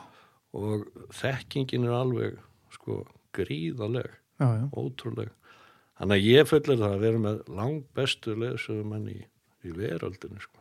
já, En þú hefur náttúrulega komið víða og hefur eitthvað samanbörð. Þú hefur náttúrulega verið mjög lengi í Argentínu líka. já þar var ég í 20 ár Já. Ég var í 8 vikur ári í 20 ári. Átta vik. já, Bara kláraður bara jólinn og... Nei, Og já svo- ég kláraði jólun og flög út sko. Bara Já. strax í já, í januar ég var með veiði hús á Río Grande sem heiti Tungken Já, einmitt. ég var með það í fjölda fjölda ára sko. Svo mistuð bara veiðiréttin þannig að, að hérna Hvernig er þetta hana? Er þetta ekki public eða hvernig, ég hef aldrei skilið þetta almennilega, er þetta ekki aðgengi að landi frekar en veiðin já, það er þannig í rauninni sko. Þannig að þú kemst ekkert að ánni nema náttúrulega bíl. En ég held að samkvæmt lögunum að þá sé í rauninni sé þetta public sko. En þeir mega læsa sko, eða gerði það af og allt það læsa læst, það bara. Já það er allt læst Já. sko, alveg hrein ég er náttúrulega dvaldi þarna vikum saman. Þetta, þetta var ótrúlegur tími sko, ég flæktist um alla Argentínu, ég er búin að fara til allra 23 hér að hana nema eitt, ég kalla þetta provinces. Já. og ég maður þarna upp á 2000 sko og þá var bankarhunnið í Argentínu. Já, og þá var eiginlega engin í Argentínu þú veist, þá voru allir bara þorði ekki að koma þetta, voru hvernig var þetta? Þeir bundu gjaldmeilum við, við dollarann og allt var eitthvað, en það var nú ekki verið dýrt að vera aðna þá. Dýrt? Já. ég fór með að finna sem er búin að vera með okkur í öll þessi 30 ár. Og, og hérna er að keira fyrir okkur og snúast og svona. Ég bauð honum með mér þarna eitt skiptið og við keirum út á flugvöll og áttum einhvern rosa góðan tíma og ég segi við finna við skulum bara hérna að finna okkur flugvél og fljúa bara um alla Argentínu. Já, og við fyrum út á flugvél og þar er allir að bóna vélarna sinnar og engin að fljúa, það var engin peningur ekkert að skilja. átti ekki fyrir bensín á átti ekki fyrir bensíni. Og ég finna þarna eina flugvél og, og flugmann og ég tala við hann og hann segir bara vera tilbúin að fljúa með okkur eins lengi og viljum bara fyrir bensínið. Bara upp á flugtímana, ná þeim í bókina Já, og við, ég og Finni, við flugum bara um alla Argentínu bara svo vikun skiptir. Með bara enga flugmann og flugvél og lentum hinga og þangað og bara fyrir bensínu. bara fyrir bensinni Jú, Þorgils voru einu svona þvæglast þarna í Argentínum þá þarf, þá þarftu sko, ætlar að fara til Buenos Aires og hérna, til Iguazu Falls. Já. það voru 24 tímar í rútu. Í rútu, já, já, ég veit það.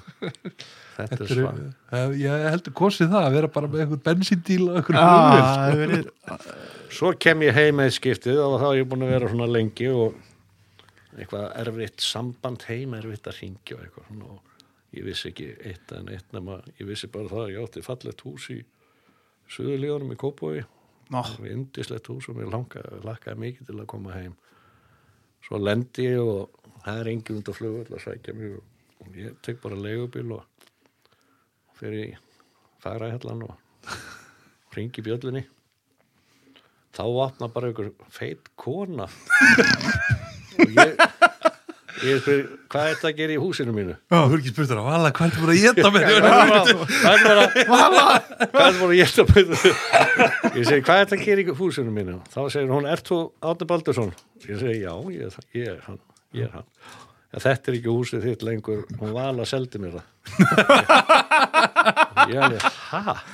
Hvað, hvernig, hvað? Og ég er henni að ringi í völu og það svarar ekki og endan ég ringi tengdamömmu og hún segir mér hvar ég átti heima og ég, ég fór þangað og það var bara fínt sko en ég var bara ekki vanur því. Nei, en ég saði ekki eitt orð ekkert, nei, fínt bara. af því að ég náttúrulega ég er aldrei heima. Þetta var aldrei rætt? Nei, aldrei, Nei, ég bara en hún var nú að senda þér eitthvað skila já, smá skilum ég reyndi bara að finna hjónaherbyggi og koma fyrir. Ég man að þú lístur eitthvað tíman ég var að spjalla við þig lístur eitthvað tíman veiðin í Argentínu. Þetta er alveg náttúrulega geggjaði sjóbreytingstofnar og allt það. Já, en hún sagði sko, var hann að selja Argentínu versus Ísland? Menn er alveg til að fara til Argentínu og prófa að veiða sko. en þeir verða ekki af sjúkir eins og að koma til Íslands. Næ þetta er allt, allt annað. Sko lagsin er einhvern veginn svona þú verður bara addicted. Já, hann er svo óutskýranlegur Já, þú draugur verður bara Argentína og, og flestar aðra veiðar sko. Þetta eru bara svona góð frí þú veist, ofsalega gaman já, góðu matur, fullt af fiski og, og ofsalega gaman. En og þú ert alveg til í að koma aftur en þér er svo sem það er ekkit, það er ekkit must það er sko. ekki þrillið einhvern veginn, einhvern veginn. hérna lagsin, hann er einhvern veginn þannig að þú bara ferð no matter what, sko, þú bara ferð. Já, Argentína og, og allt annað er bara skemmtileg frí. En eins og maður horfir þú veist hérna yfir hafið til Norex sér þessar stóru ára, ég veit að þú er búin að veiði í Gaulafossi eh, hérna, og alltaf og bara lagselva og bara nefndu það. Já. það lítur nú að vera svakalegt keksan já, og það er náttúrulega lagsveiður sko. Já, mhm, við áttum sko, ég meina ég er búin að veiða í Gála, Orkla, Stjördal, Förra, Lagself, Alta, er búin að veiða mjög mikið í Noregi. Þetta er svona öðru vísi veiðar svolítið, þetta er svona vast miklar ár, ekki, en, en og stóri lagsar, eins og í Rúslandi í rauninni, en þetta er ekki þess að íslensku tæknilegu, litlu, tæru, skemmtilegu ár Nei. sem við rauninni sko þú, þú, þú, þú narrar upp fiskin þetta er svona Þú ert bara, hunting já, þannig ertu bara að negla söndrei Já. slengi og getur staðið í lappinnar. já, og það er ekkit endilega að vera góðu veðumar, þetta vera kannski duglugu veðumar, Já, en þetta er ekkit að vera alltaf síhugsandi eins og þú segir, þetta er meira bara að þruma þess út og, og ekki að hugsa um litla grjóti þarna í Nei. þessum hil og þarna Nei. bakvið þarna þetta og það er svona Hérna, hann Björn Rót sér gott til að sagði okkur magnaði svo að veiðferð sem þið fóruð þarna einhvern tímann þar sem að þú gerðir ekkit ráð fyrir að þeir myndu, þeir myndu sofa neitt sko, þegar það maður veiða allan sólaríkin. já, eða alltaf svo Já, alveg rétt, já. Það var, og Björn sagði mér svo, ég var að nefnda við hann að þú ætlar að koma til okkar, við hitt hann hérna fyrir jól og, og hann var að segja mér, þú var að spurja úti hérna þegar hann, so- hann sopnaði í sturtunni. og ég var nú eitthvað að renni gegnum eitthvað listar sem þú sendið mér og þú vilt greinlega meina Björn að sopnaði í sturtunni. Hvor sopnaði já, og, og hvernig er sagan? það er eiginlega það hagnast mér betur að það verið björn. Það var þannig sko að við komum til Noregs og við erum að veiða þetta var í þrámteimi og við vorum að veiða í Horklu og svo í Namsen og við gistum á hóteli í þrámteimi og hægilega fínu hóteli svona frekar litlu Já. og svo fyrir við út að borða og, og hittum þarna fólk og annar mann og, og ægilega gaman og, og svo komum við heim á hótel sentum síður og, og hérna og fyrir að sofa og vaknum alveg skel þunnur um morgun alveg skela sko. og Bjössi segir sko, ég ætla að fara í styrtu ertu ekki til í að fara út í bakari á meðan? Og kaupa eitthvað bara til að hafa hérna inn á herbygginu svo hress okkur. Ég fer út í bakari og, og hérna og tefst eitthvað, fór að gera eitthvað annan og er bara tölvöld lengi í burtu og svo kem ég á hótelið að þá er allt á öðrum endanum á hótelinu. Og það mæti mig bara svona lítill foss niður alla tröppurnar sem hafi ferðast niður sko einhverja átta hæðir. Jú, og, og hótelstjórun þetta alveg öskrand og æpandi og það er hlaupið upp alla stiga og eldaði hennar foss. Já, og hann kemur undan hurðinni á bjössa. Og við hérna brjótum upp hurðina sko og, og, og inn á bað að þá er bjössi hrjótandi inn í sko styrtaklífanu með raskinn að soga það fasta í niðurfallinu og það fór sko eitt stykki hótel, ekki herbyggi eitt stykki hótel fór þetta vatn já, Þetta er miljóna tjón. Veistu hvernig Björnsson sagði frá þessu? Nei, Að þú hefði verið hrjótandi, hann að fara út í bakari og það var ekki rassinu og það var pungur sem var fastur í niðurfallinu. Fastur í Lá eins og, eins og drullusokkur. Alltaf sagan er góð Já, já, við erum ekkert að... svo verða menn bara í Báðar útgáður var alveg briljant, sko. Er tvær, tvær útgáður sko. En já, þú ert náttúrulega búin að brasa margt með mörgum svona merkilegum mönnum og til dæmis Bjössa og þú veist, því maður þetta er myndum að þér og tóta eins og upp í kjarra og þeir eru að byrja að gæta þar. Já, já, já Þetta er náttúrulega, hvar svona, hvar slar hjartaðu þér í veiði á Íslandi? Hvar, hvert, þú veist, ég veit að þú ert mikið upp í stórulagsá en svona, er, það, er það gullið? Eða hvað, er, hvað eru svona, ég veit þú ert líka hrifin að sela á kjarra í gamla daga. já ég, ég elska allar þessar ár en Já, númer 1, 2 og 3 fyrir mig er sannarlega stóra vaksá Mm. og skiptir mig þá engum áli hvað svæðið er, ég er hrifin af öllum svæðunum. Já, ég alveg til ég að dinglast þarna sko vikum og mánuðum saman. Mér leiðist aldrei þarna sko. Nei, Nei. ótrúlega náttúrufegur stórkoslega og smá vatn, svolítið svona uník Já. fyrir íslenska á á þessum landsluta, Já. þetta er tvíendu veiði og já, og mikið pláss fyrir Já. alla, gríðalega mikið. Þú veit með kí, marga kílómetra fyrir sjálfa þig. Mm. Og ekki spillir fyrir, hún er ekki dýr heldur. Kostar ekki handleikin að vera þarna í einhverja daga. Nema kannski fyrstu helginu í september á 1-2 já, já, þá er hún orðin dýr en það er svona eina sko. En allar þessar ár, ég er rosalega hrifin af þegar á kjarra á, ég elska miðfjara á, alveg Já, aðeinsli. Víðidalsá, Selá, Hofsá, þetta er allt náttúrulega stórkoslegar, stórkoslegar ár, sko. Þú átt náttúrulega fisk þar upp á vegg í veiðusni í Selá. Já, einmitt. sem að fiskur sem á sér magnaðasögu og svo er rauninni listaverk sem á sér kannski íkvöli magnaðasögu Já, og listamæðin sem að, sem að skara hann út. Já, já, já, já, ég man að hérna ég hitti þú veist, náttúrulega það er einhvern veginn, maður getur ekki hitti eða björn á þess að heyra einhverja frábæra sögur sko. Þá þú, þú veitir hann stóra fisk í skipil að ekki? Já, já, já, minnir að það hafi verið í skipil sem að Bjössi sagði mig fræði sögða því þegar að, að þú lést að renna maðki á eitthvað fisk sem að þú að sé á hana brú Mér, ég heila verðið að fiska þessa upp úr þér Þannig. er, er, er hún X-rated eða? Nei, hann var Bjössi, það fauk helviti í Bjössa.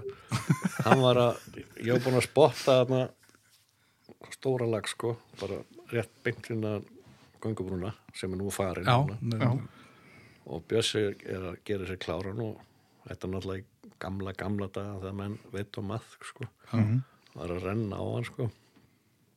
Og, og hérna, þurfti ég allt í hann að pissa alveg í spreng og Bjöss er að vanda sig alveg eins og hann getur mann að ég hugsa ég spræni bara á fiskin og sé, sé hvernig hann bregst við ég tek hann bara út maður og, og spræni yfir hann.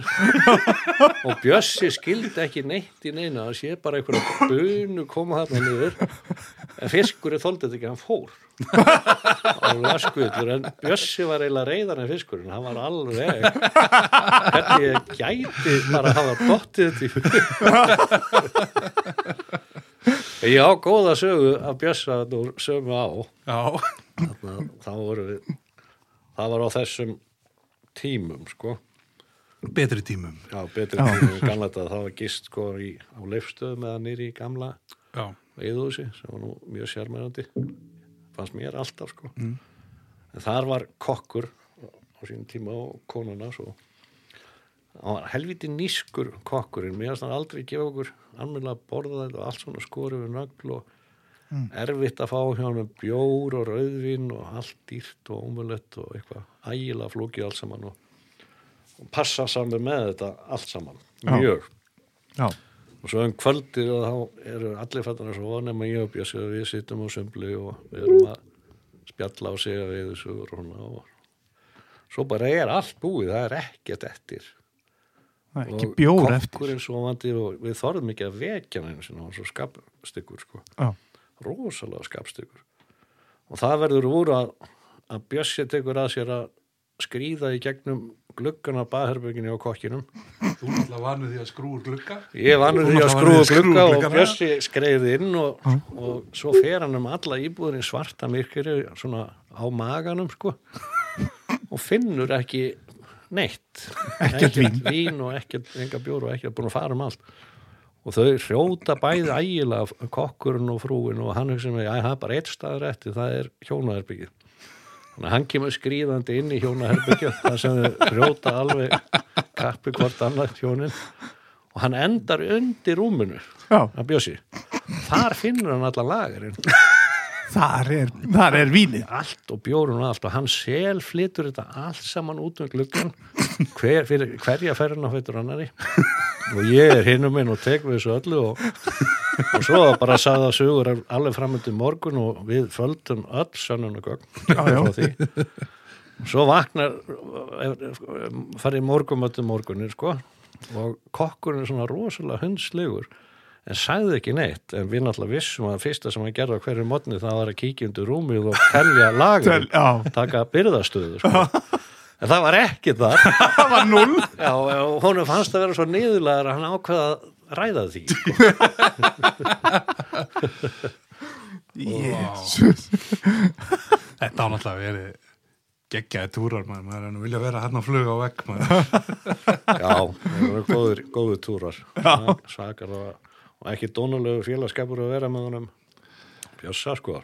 Átt og svona fleiri svona kannski veið, veiðfélag aðra bjössa sem að hafa verið eftirminnilegir gegnum tíðina? Já, já já, já, já, já. Ég náttúrulega veitti mikið með Tóta við vorum miklu Já. veiðifélagar og hann er náttúrulega rosalegur kappsamur veiðumæður og, og, og, og svakalega duglegur og góður veiðumæður en það má ekki neitt tími fara til spillu sko. Það er bara vaknað það er helst bara vaknað fimm á mótnana sko. Við erum alveg Er hann ennþá þarna sjö. Kallinn? hann er að hefur ekkert breyst sko en ég man eftir einu sem var ég með Tóta í hrúta fyrir á í september tíðan og þetta var bara um miðjan nótt.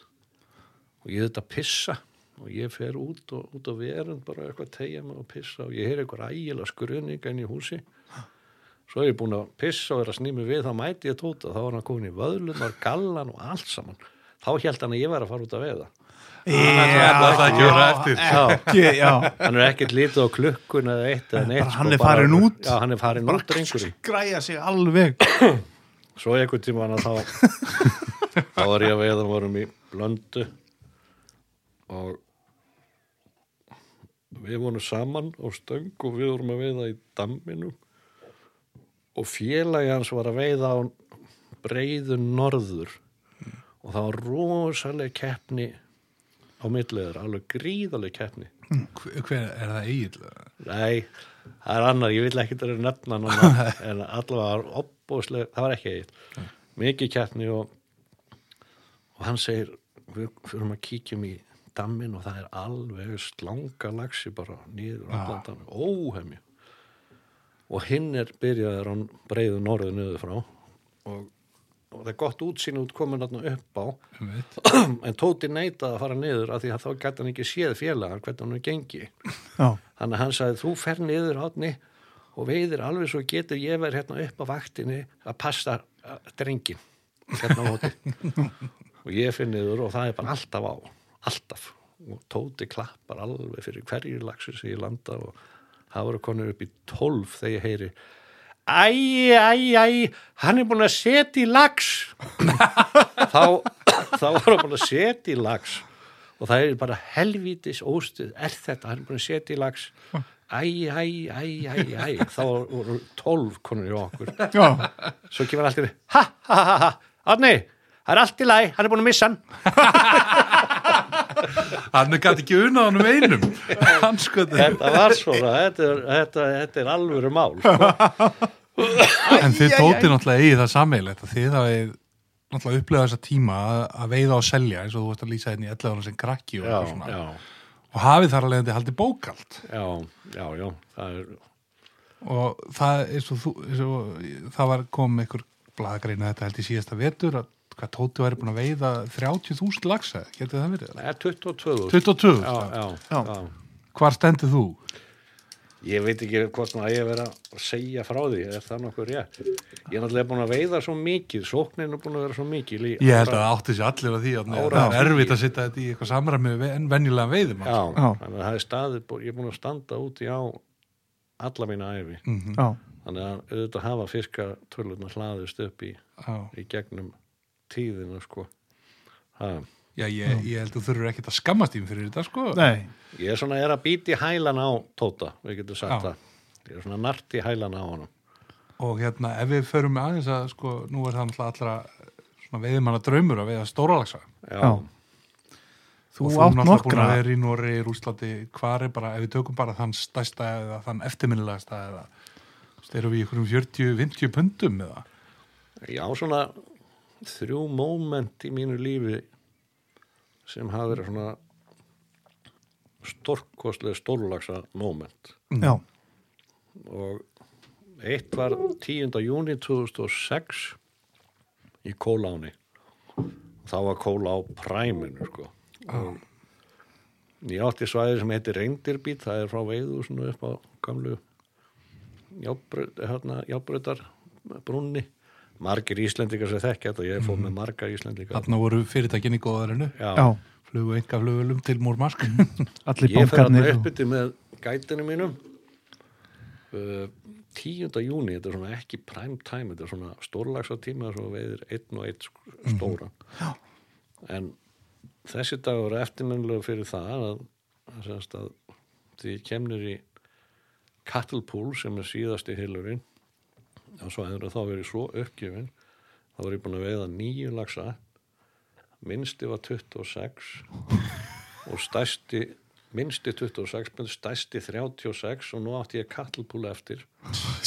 Og þar veit ég stærsta lag sem ég fengi af hérna, hann var númer 10 og hann var svo stór að við vorum með sko 20 kíló af vikt. Og hann sló bara nýri í 20 kíló bara kling bara bang Já, og ég var ekki með málband þannig að ég gæti ekki tekið nákvæm málaðanum en þessi fiskur var sá langstæsti sem ég hef fengið. Hann hefur verið eitthvað byrjunum 45-50 pund sko, sannarlega. Alveg rosalega.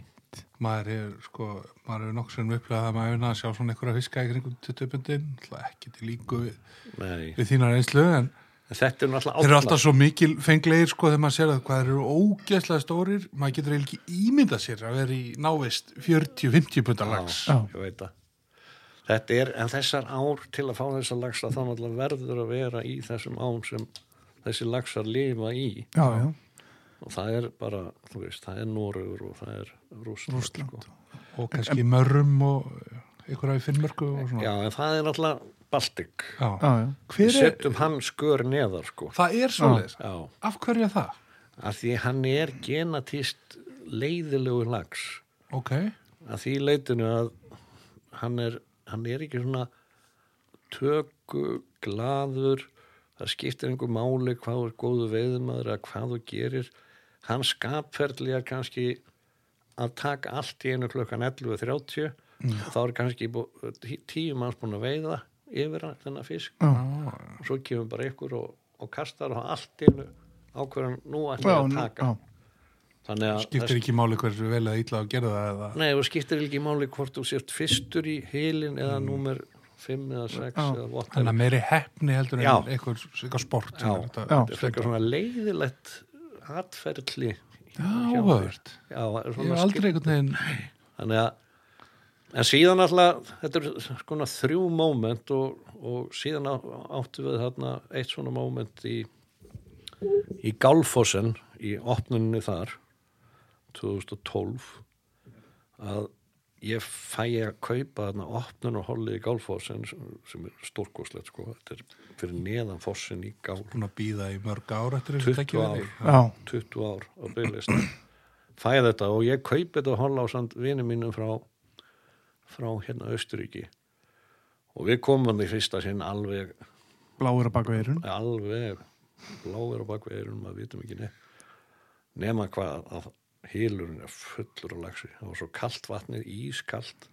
Hann komst ekki upp fórsinn En er þetta ekki svona, þess, þetta er þessi stóri foss og þeir sapnast, sapnast fyrir hann að gangan Já. bara fyrir neðan og nema hvað að, að Axel vinur minn, alltaf frá Austuríki að ég segi byrja þú bara og hann fer út á bátinn og það bara lags á en leið.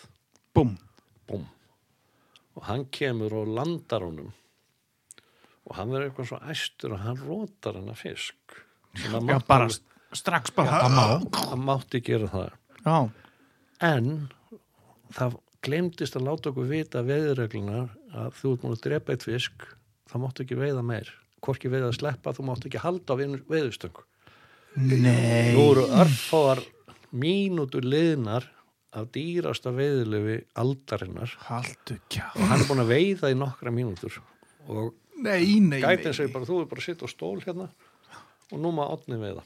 Æ, æ, æ, æ, æ. og vaktin er sko átta tímar. Þess þú fær tvær átta tíma vaktir á sólaring veitti átta tíma, kvíldi átta tíma veitti átta tíma. Þannig að nú hafði ég átta klukkutíma þótt að hann var með, við vorum með alla stangirnar hann mátti samt ekki veiða Heyrðu, á þessum 8 klukkutímum þá landa ég 22 lögsum og meðalþyngdi var ykkurstafbyrjunni 22 til 23 pund. Það tók, ég tók tíma, það tók að meðaltali 28 sekundur að setja lags allan daginn. Þannig að þú er bara að þreita all, allan leiðlanga dag. Já, þessa vikuna fengum við 171 lags meðaltal 22 pund, 17 yfir 30 pund. Þetta er bara tölu sem að ég veit í hvað maður á að segja þetta var náttúrulega bara met ever, Já. þú veist. Aðstæður bara voru þannig og þetta skeður kannski trúlega aldrei aftur. Það var bara einstakar aðstæður. Og þriðja mómenti sem ég átti svona stórlagsa ham, það var í Lói og Kanga og það var í miðan júni og mér var búið að ganga hræðilega illa í fjóra daga. Ég var basically fisklaus í fjóra daga og það voru hurra hróp og hátjaröld á hver, hverju kvöld í veiðúsinu við vorum svo ánæði með þetta félaga mér. Það var skálað og sungið Já. og trallað og Þórðar gleði. þórða gleði. Þeir nutu augnaflöksins algjörlega í botn. Átni bald fisklaus í fjóra daga.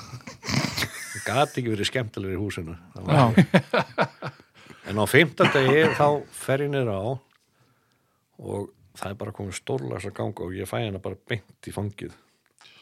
Og þennan dag fekk ég 11 lagsa, svona risa, risa lagsa á byrjunu 25 til 35 pund. En þarna misti ég stærsta lag sem ég er nokkuð tíma séð á æfinni og það var við kvöldum þetta lúpskæja left og það var í svona litlum pocket og ég bara kasti þetta á örstut kost, þetta er bara 5 metrar já, og kasta þarna og þú, þú, þú, stoppar aldrei þarna, þú veist, ef að lagsi er þarna þá bara tekur hann og svo, ef hann er ekki þetta eru kannski ykkur svona höklar og styrum Já, bara. þetta er haklar og styrum sko. Þetta er bara áin er stór hættulegt og dettur út í hann og þá, þetta er bara eins og risa stór þvottavill bara, já, bara, já, þetta er bara hræðilegt Þetta er urðin hann að fræg, risastóri steinar og... Já, þetta er alveg rosalegt sko. Hún er eiginlega bara svona terror. Já. Nema hvað að þarna sé ég stærsta lag sem ég séð á æfinni sem kemur og sígur upp í svo fluguna. Ég hef aldrei séð hann að skvíkjum á æfinni. Gætin var á steini fyrir ofan og sér þetta. Hann bara datta af steininum og rúlar þarna niður. Hann var algjör paniki. Nema hvað að ég bara með hann að fiska á og ég bara veit að þetta er 60 mönda fiskur Jesus þeir eru til sko og ég er búin að þreita hann þetta svolítið og það er svo mikið rók að ég tók ekki eftir því að bakkengið það er utan, vafist utan á hjólið.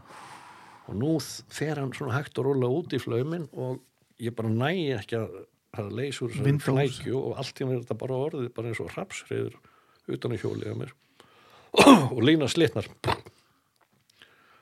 Og ég sé bara línuna mína hvítu. Bara lengst niður alla á og lagsin alltaf út í flaumnum sko.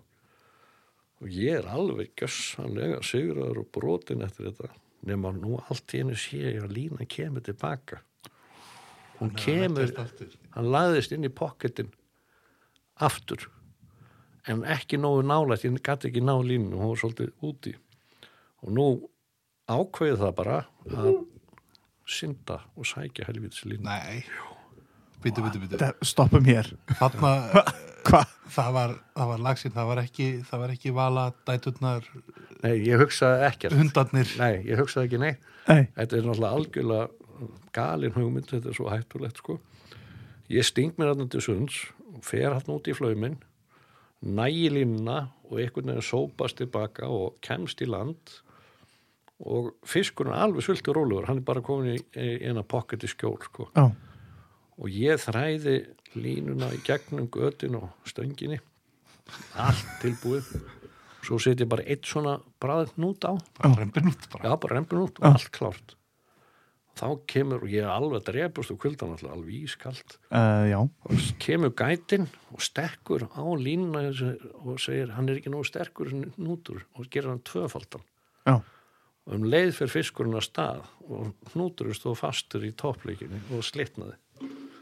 Nei Þannig að þetta er svona þrjú stærstu stóllagsmóment sem ég mann eftir sko í mínu, mínu líf.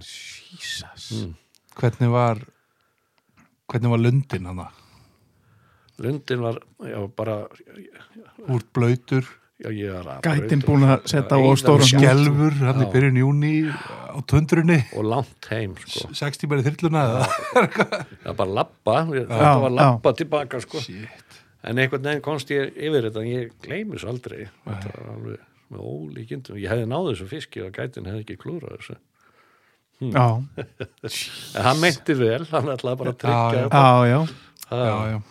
En að þreita svona 35 punta lags og stærra er þetta er þetta bara reynd helvíti eða? Nei, alls ekki, þetta er eiginlega bara þetta er eiginlega bara þannig að liggjaði bara eins og 20 puntarnir hérna heima bara fara niður já, og að gera það og geta reynd að tekið rosalega langar og mikla rókur ég held að ég held að sé aðalatrið þú veist, bara veiði maður sé rólegur.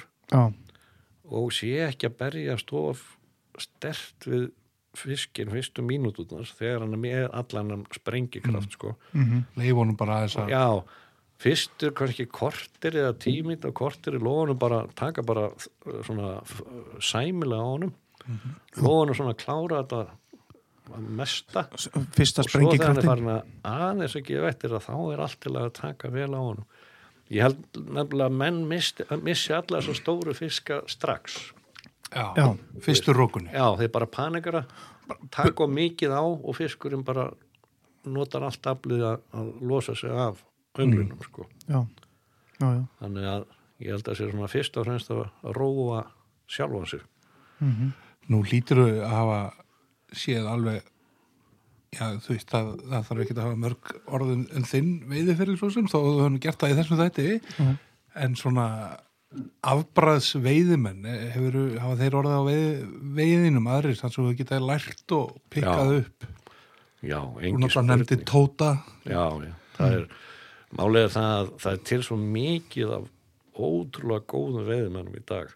Já, fyrir 20 ára síðan þá var þetta ekki svona við áttum átnar svolítið mikið sjálfur nokkrir, þú veist Já. og, og, og nöttum góðs að því að, að, að aðrir voru ekkert vera með þetta know-how sem að hérna hefur kannski ekki. og þá var auðveldur að veiða mikið og, og, og meira sko. Já, en í dag er þetta bara allt, allt annað. Hérna er alveg sko hér að ótrúlega góðum leðsögumennum sem eru náttúrulega frábæri veiðumenn og bara mikil fjöldi af snildar veiðumennum já, maður sér þetta bara, þú veist, þetta er, þetta er bara gjör breytt sko bara, þetta íslenski veiðmenn í dag eru upp til hópa bara bestu veiðmenn í heimi. Já, Nú hefur maður svona eins og maður heyri alltaf þegar ég var krakki í sögurum eins og Guðmund í middali eða eitthvað sem var auðvitað ábyrða veðmaður Já. en það voru kannski ekki margir samferðum en aðrir, það gæti kannski komið á áskarðin og það var enginn búin að veiði í tvær vikur og já. Hann var þe- þeirra tíma sko. Já, hann var, það var engi spurning sko. Nú átt þú hérna já, þú átt bara áskar í dag. Já, og hérna þið fjölskylda njótið þess og, hérna, og veiðir hann mikið veit ég og selur náttúrulega veiðileifi Já, og, og allt það. Ég elska að vera þarna þetta er alveg Er þetta ekki svona- ótrúlegur af hverju ekki veit á bátum í sóginu og svona, ef þetta væri einu veiðfélagi og já, maður sæði fyrir sér að það getur verið svolítið sexy Já, ég veit ekki akkur þótt að sé svo, hver veiði fyrir sínu landi þá er engi bátur þarna og ég veit ekki þess að nokt því hann verið veitt á bátarna ég veit ekki einu svona hvort það er bannað eða ekki. Nú líklega stór hættulegt að vaða. Eða það dæmin hafa sanna já, stór hættulegt að vaða. en það var svolítið merkilegt því að einn stærsta veiðisagan hjá Guðmundi Miðdal var í Áskarði Já. þegar veitti 19 lags á, á breyðunni þarna fyrir ofan frúastinnin Mhm. og suma risastóra, við minnum að þeir hafa verið upp í 34 pund stærstu sko. Og margir yfir 20 sko. Já, og þetta var 1900, hvort það var 1947 þetta sama skeiði fyrir mig í fyrra. Já, en á öðruvísa hátt á sama stað og hann stóði í þessum spórum og veit þess að 19 ég stóði í spórunum hans Mm. ég þreytti 19 lagsa en ykkur er luta vegna og ég hef ekki, ve- bara, hef ekki hugmyndum það, þá misti ég 16 Já, landaði þremur en misti 16 en ég, ég, ég þreytti ég þreytti 19 lagsa í fótspornum á Guðmundi miðdal. Stór merkilegt alveg er þetta hefur verið svona Ég eitthvað tengingarna, eitthvað ég kosmist hef bara hugsað til hann sko. Já, ég veist þetta bara með ólíkindum sko. Hann hefur verið að setja eitthvað niður á þau sko. Það er eitthvað verið eitthvað verið eitthvað verið verið að, verið að bralla þarna sko. Já, já, Ef við Já, tökum eina, hérna, eina klísju spurningáni hérna og, og það er alltaf svona góð, góðum veðmenn vil ekkert endilega alltaf tala um mikið um flugur, ekki til að sé eitthvað leyndamál en bara að það skiptir ekki öllu máli já, já, en hverju kastar þú vaknar í áskarði og lappar hérna niður á nýja pallinn og 20. júli og á breiðina hverju, hvað er undir? hvað, hvað er sett? Hvað, hvað byrja menn með? ég er voðalega fastur svolítið í flugunum mínum ég nota ótrúlega fáar flugur Mhm. ég er opbúslega mikið fyrir hérna Sunny Shadow og allt sem líkist Sunny Shadow, það er náttúrulega fjölmargar útgáður af því. Mhm. og þá er ég að nota svona frekar litlar, þú veist kannski bara tveggja sentimetra langa plasttúpu þryggja sentimetra langa og og ef allt um þrítur þá fyrir ég upp í svona 5 cm og ég er að veiða þessa flugu á margan hátt, ég þverkastinni kastinni 45 gráður. Ég strippa, strippa ekki. Ég hitsa hana. Menda inn, menda Já, hitsa, veist, ég er að leika mér rosalega mikið með þessa flugu og ég nota hana óðbúslega mikið. Já. síðan nota ég hvað svolítið svona longtail flugur eins og Bent Copeling kendi okkur að nýti gamla daga Green Breamin já, já, já, já, Er hann ennþá? hann er ennþá í bóksunum sko, alveg ótrúleg ótrúleg saga á bakvið Copeling og hvernig hann kendi okkur öllum að veiða í gamla daga og, og innleiti tækni sem enginn vissi þá sko. Mhm. þannig að ég nota longtail flugur ég, ég er skaman af svona smarri flugum. Og síðan alltaf er alltaf eina eða tvær fransis í bóksinu Já, ef allt um þrítur. Bara verður að vera. já, það er náttúrulega já, bara okkar já. svona, síðan alltaf breytast bóksin bara eftir í hvaða ávert að fara. Þannig að það er eitt bóks í stórulegs og það eru alla flugurnar svona frá, frá litlum upp í miðlungs eða stærri. Svo ferður kannski kjarra að þvera og þá ertu með öll örflugubóksinni þín og, og annað slíkt sko. Og, og þar fram til göttunum þetta fer vola mikið eftir á. aðstæðum, já, já, já tíma árs og allt vastuðu það. og, og svoleiðu sko. Er þetta ennþá að nýta? Nei, Nei. það er orðið svo mikið að góðum nýtur. Það er svo með veiðimenn. Já, að þeir nýta bara miklu betri flugur heldur ég þannig að En ég Ég- man, ég man eftir hérna flugu sem að þú ert kreitaði fyrir hérna Yellow Braham á svona sílungöngli, Dánæ já, það er eitthvað eldgamalt Já. Ég held að það hef verið frá tí tímanum í ásónum eða eitthvað svona já, já, já, það er eitthvað eld, eldgamalt Hún er í veiðiflugum á Íslandi maður Já, er það? Ég hef notað þetta maður, þetta alveg virkar eða þá Já, já, já, já, já, já, já. Ég nýtti mikið sko en, en ég, eins og ég segi það er bara, það er svo margir aðri sem eru algjörir snillingar í þessu sko, Já. bara unun að veiða á þessar flugur, þessar flottu flugur. Já, Það er alltaf algjörlega þannig flugunar að hafa tekið stakka skittum já, Já. já, heldur betur. En hérna, já, þú er náttúrulega varst lengi með ásana og svona á þeim tíma þegar ásana voru þessi fræga dýrasta lagsveið í heimi 200 úrskatt dagurinn og eitthvað. Þá, Já. Þá, já, þá, já, En náttúrulega sko miljónir á, í dag. á tvær stangir 1000-2000 lags að veiði sko. Það var svakalega veiðið maður. Rosaleg sko. Þetta hefur átt verið bara svakalur hamagangur og, Já, það var náttúrulega hluti af öllu þessu það sem tölurnar hrannast upp sko, mm. dagarna í ásonum maður veitti þarna í vá, hvað, tvo ára tvíi já, og ég var með hann í fjölda ára og leigu sjálfur sko. Já, og það voru bara, þú veist, dagarnir í ásonum þessum gull árum voru bara já, hvað 20-40 lagsar á stöngina sko. Svona á var þetta við menn. stöng? Ég menn voru bara með fílu svipu, það voru ekki, fengu ekki 20 En, en ná menn einhvern veginn að býta það í sig, þú veist, að þeir kaupa hérna, ég er að borga svo mikið, ég vil fá 40. Eru þið það, náðu samt ekki að gleiðast yfir 20 eða, eða það er náttúrulega dag, þetta er allt breyst í dag. Þetta er allt sem að breyst þetta er, í dag er þetta eiginlega bara þú veist þetta er allt, allt annar viðhorf hjá öllum veiðumennum í dag. Það er öll þessi magnveiði er heyri sögunu til. Hún er svona búin. Menn er að glæðjast yfir þessum fiski. Momentum bara, einum og Momentum einu og, fiski og, veiðin hefur líka bara minkað þótt hún hafi ekkert minkað í tölum talið þú veist, heldarafli þá hefur hún samt snar minkað af því að það er ekki sama magna fiski ánum eins og var það er ekki þessi hiljir bláur á lagsi nei, nei, nei, nei, nei. en hún hefur jafnast líka, þú veist, það er ekki þannig, er þannig að, veist, eh, það er að veiðast meira á haustin því að meira sleft og það er meira fiski já, í. já, jafnast út sko En þessi toppar á præmtæminu, þú getur ekki kæftið dagið þeirra á núna og ætlaði að fara að veiða 40 lags á dag og, Nei. og selja það í nótum, sko. nei, nei, nei. það er, það er liðin tíð og, og hluti af þessu líka sko að, að veiðin er svona góð í tölum talið þótt að, að hérna fiskunin fiskarnir séu farið, það er bara seinlega veiðimennir eru svo góðir Já, þeir Já. bara veiða fiskana sko. Já, já. ef ekki tvisvar sko. já, allar, veist, í, það er ekki það langt síðan að það var bara gæta kannski í borgarfyrinum bara í júli. já, Nú bara gæta frá opnun út ágúst, sko. já, alveg bara gæta bara maður og mann já, já, já, já. það er maður og mann sko. En að hafa verið með eins og ásanna þennan tíma og náttúrulega á þeim tíma dýrasta á landsins og fínasta var ekki að koma alltaf mikið af þá svona fyrirmönnum og, og svona sum, jú, jú, jú. Þekktum andlitum.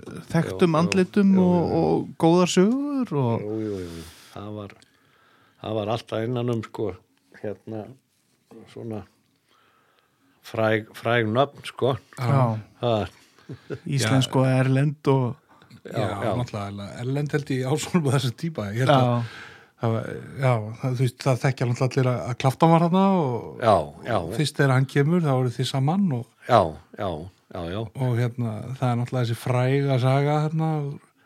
Já. Kannski áður við fyrir mig þangað, er, er klaftan góð við maður? já, hann er bara hann er mjög fýtt veðumar já, hann er, hann er flottu veðumar, hann er svakalega hófsamur og hérna hún er liggur ekkert á hann er opbúslega rólegur og er ekkert að standa þú veist, í marga, marga klukkutíma hann er bara að njóta Já. já, og er sáttu við það sem hann fær sko. mhm, mhm, og það er svona, já, mikill svona heiðus sportmaður mm.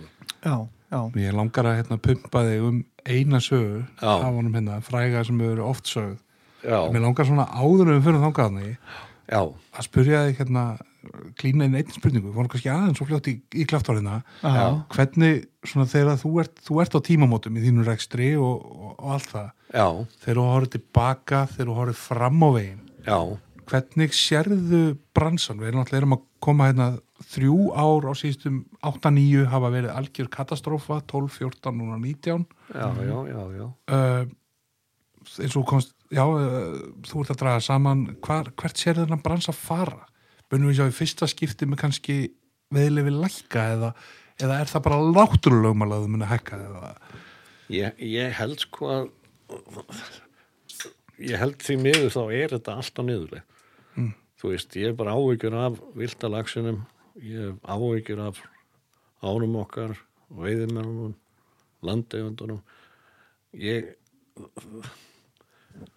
þú veist, það er bara það er allt á niðurlega í þessari náttúru. Við erum ekki að hugsa þú veist, ekki bara við, bara, bara alheimsvísu, við erum ekki að hugsa um plánetuna okkar.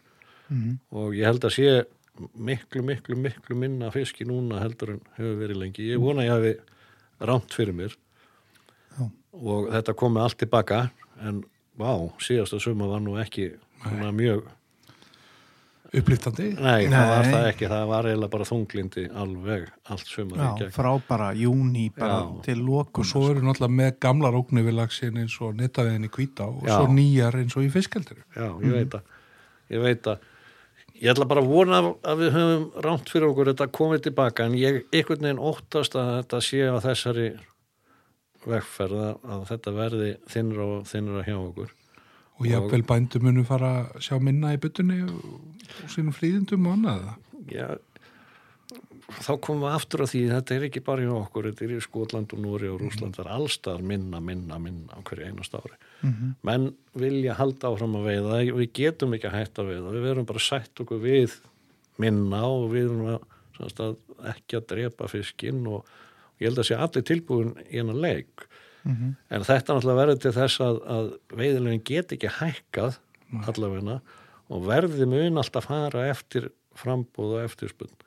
Mhm. Það sem skeður að ef að veiðilegin ekki seljast að þá sem sagt uh, fyrir leigutækin að tapa peningum og væntalega þá endar svo á í útbúði og þá náttúrulega kemur það bara í ljós hverju eru tilbúinur að borga ég spái því að, að, að verða veiðilegum muni ekki hækka meir. Og þau gætu staðið í stað en þau gætu hugsalega náttúrulega lækka líka ef að ef að vera svona veiðir Mhm. það gefur auga leið. Hver er þín svona tilfinning fyrir því að lagsveiðmenn sé að eldast líka? Veist, að það, þú veist, nýjir veiðimenn í dag eru kannski frekar að horfa á ódýrar möguleika eins og, eins og seilungsveiði eða, eða bara, þú veist, bara golf eða whatever. að þetta Er ungi aðallin í Breitlandi þú veist, spenntu fyrir því að veiða lags á Íslandi eins og hann var fyrir 30 ára síðan? Nei, þetta er nefnilega, þetta er, þetta er nefnilega slæmu fréttirnar allstaðar. Það er ekki nógu mikið nýliðun. Ég held að sé meiri nýliðun á Íslandi sem má sér tölvöld mikið að yngra fólki í veiðinni hérna á Íslandi þótt að sé kannski ekki nóg. Það þarf held ég að vera miklu, miklu, miklu meira. Uh, mér finnst engin nýlugun vera í Bretlandi Nei. ja, þú veist, ég bara, maður sér ekki hún það er en, engin sem, unga fólki hefur engan á þessu það Ég veit er, að þegar þú byrjar 88 þá eru fullt af Amerikunum hérna. Já, fullt Þeir eru Amer- mikið til. þeir við prísum þá alla út sko. Já, það voru allar ár fullar Amerikunum svona um það bíl sem ég var að byrja 87 Mm. þá var þá einhvern veginn voru við að vera búin að prísa þá alla út 87 já, þeir voru aldrei tilbúin að borga meira sko heldur en eitthvað ákveðið og þegar við prísum það út þá bara hættur að koma en þá kom öll Evrópa inn stert þannig að Evrópa kom öll inn Spánurarnir, svildíkarnir. Já, brettarnir og allt. Þeir fylgtu allar átnar á móti móti Amerikonuna. Er alltaf er eftir sjá samt í þessum stóra kunnahóp, sko. Já, þetta voru menn sem að Já, skildu mikið eftir sig, bæði, eða þú veist líka, já, kannski, kannski allar slætti nefna það en bara þjórfittil starfsfólk og annað, veist, þetta var draumakunnar, drauma kunnar. auðveldir í samskiptum og Já, og, og ekkit veiðigráður. Nei, Þú veist, þeir voru svona hófsamir, hófsamir veiðimenn. En það var, einhvern veginn hefur það reynst okkur erfitt að, að vinna hana marka tilbaka. og þeir eru náttúrulega mikið eins og maður sér bara konur í þess að saltveiði. Mikið, það er það, þeir hurfu í saltveðina. Já, þegar við prísuðu það út, þá Já. fluguðu bara til Mexiko Já, og Bahamas og... Og það er það sem skeði, þeir fóru bara í saltið. Mm. Heyrðu, þá eru við komnir að, hérna, þá ætlum við að fiska upp úr söguna.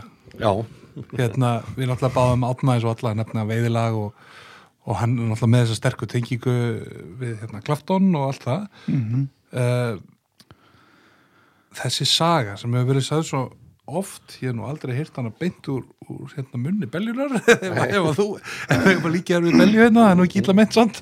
Það var nú fyrir með það. En uh, En já, það, það er margar útgáður að henni. Já, hún barst uh, Gunni Helga sem var gestur hérna var að segja frá þessu sjónvarpinu. Já, ég hef greinilega hýrt alls konar vilsar útgáður af þessu. Já, Þannig, Já. hvernig var þetta? Þannig að þessir ykkartónleikar í ásónum já, ég skal segja þessu en að því, þetta var svolítið skemmtilegt, sko. Já, mér fannst þetta bara að vera eðlilegt en öðru fólki þótt þetta vera mjög skondið. Já, Mér fannst þetta bara að vera allt í lægi.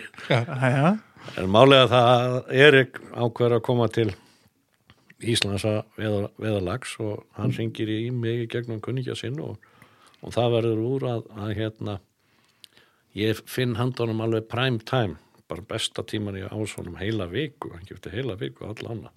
Já.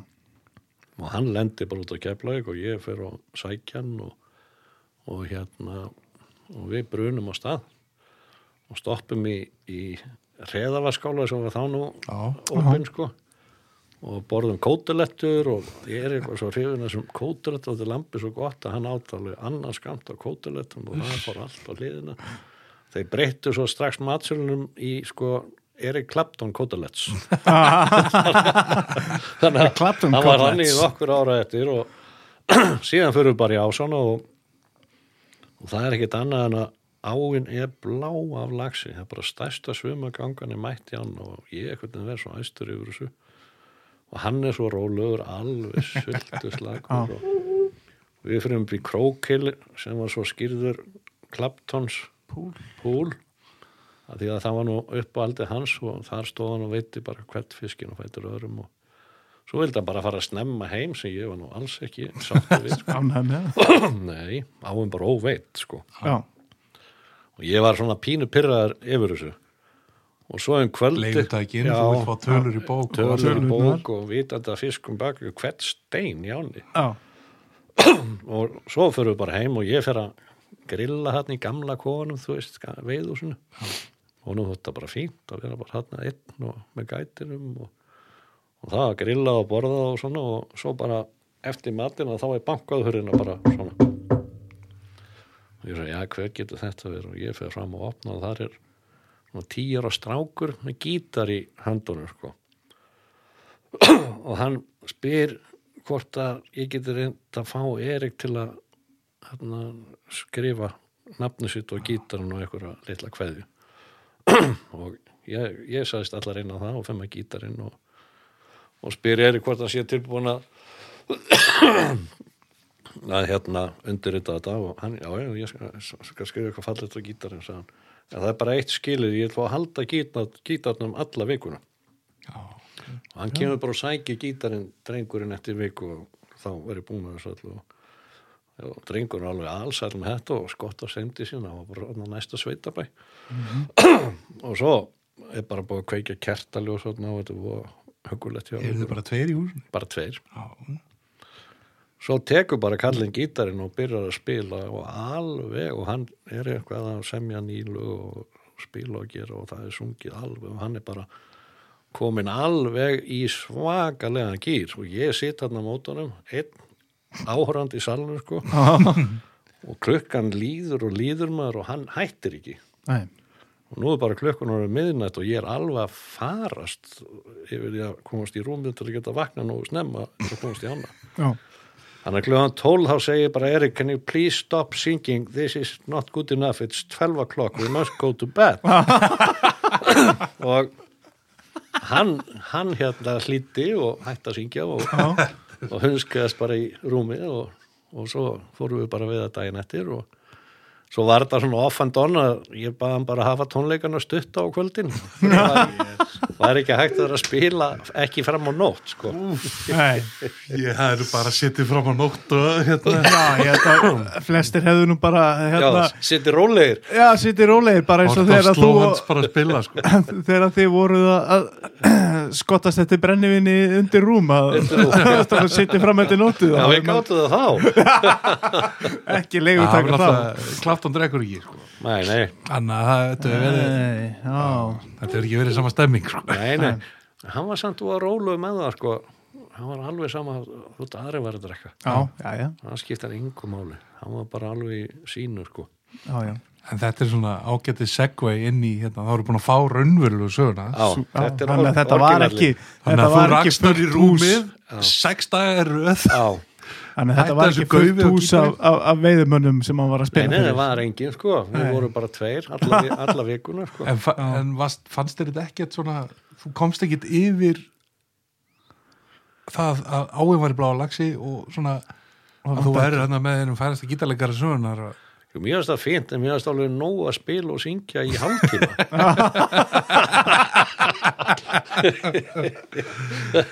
Heyrðu, en, en það er nú samt þannig að, að þú ert nú ekki, þú ert hrifin af tónlistir hans Já, ég Já. að ég er mjög hrifin að henni sko og Já. hérna veiðilæði það, það er Clapton slagari það er klart Já, það er svona þegar vel liggur á mér að, að þá, ég er nú með flesta diskana í bílum sko Já. nú er þetta náttúrulega allt á Spotify bara Já. En mér finnst lægið þarna hjá honum My Father's Eyes, það er í algjöru uppbóldi hjá mér en það er skemmtilegt Næn- 90s slagari, Já. ég sé fyrir mig vídeoið Já, það er- það er, það hérna ja- jak- jakkin, sko, jakkafattajakkin brettur upp brettur Já, upp já, brettur upp, já. sko Mjög góður kúl. maður. Já, þetta er, þetta er geggja lagafni og hérna við þurfum að klinga út af því Já, við klingum út af því, það er nú öruglega Er, það, er það að byrja hérna? eða? Ég veit það ekki Já, er það þetta, er það þetta En hérna, við þökkum þér eiginlega bara kærlega fyrir komuna. Já, er búið að vera, verði að segja ótrúlega gaman er- að fara aðeins yfir þetta með þér.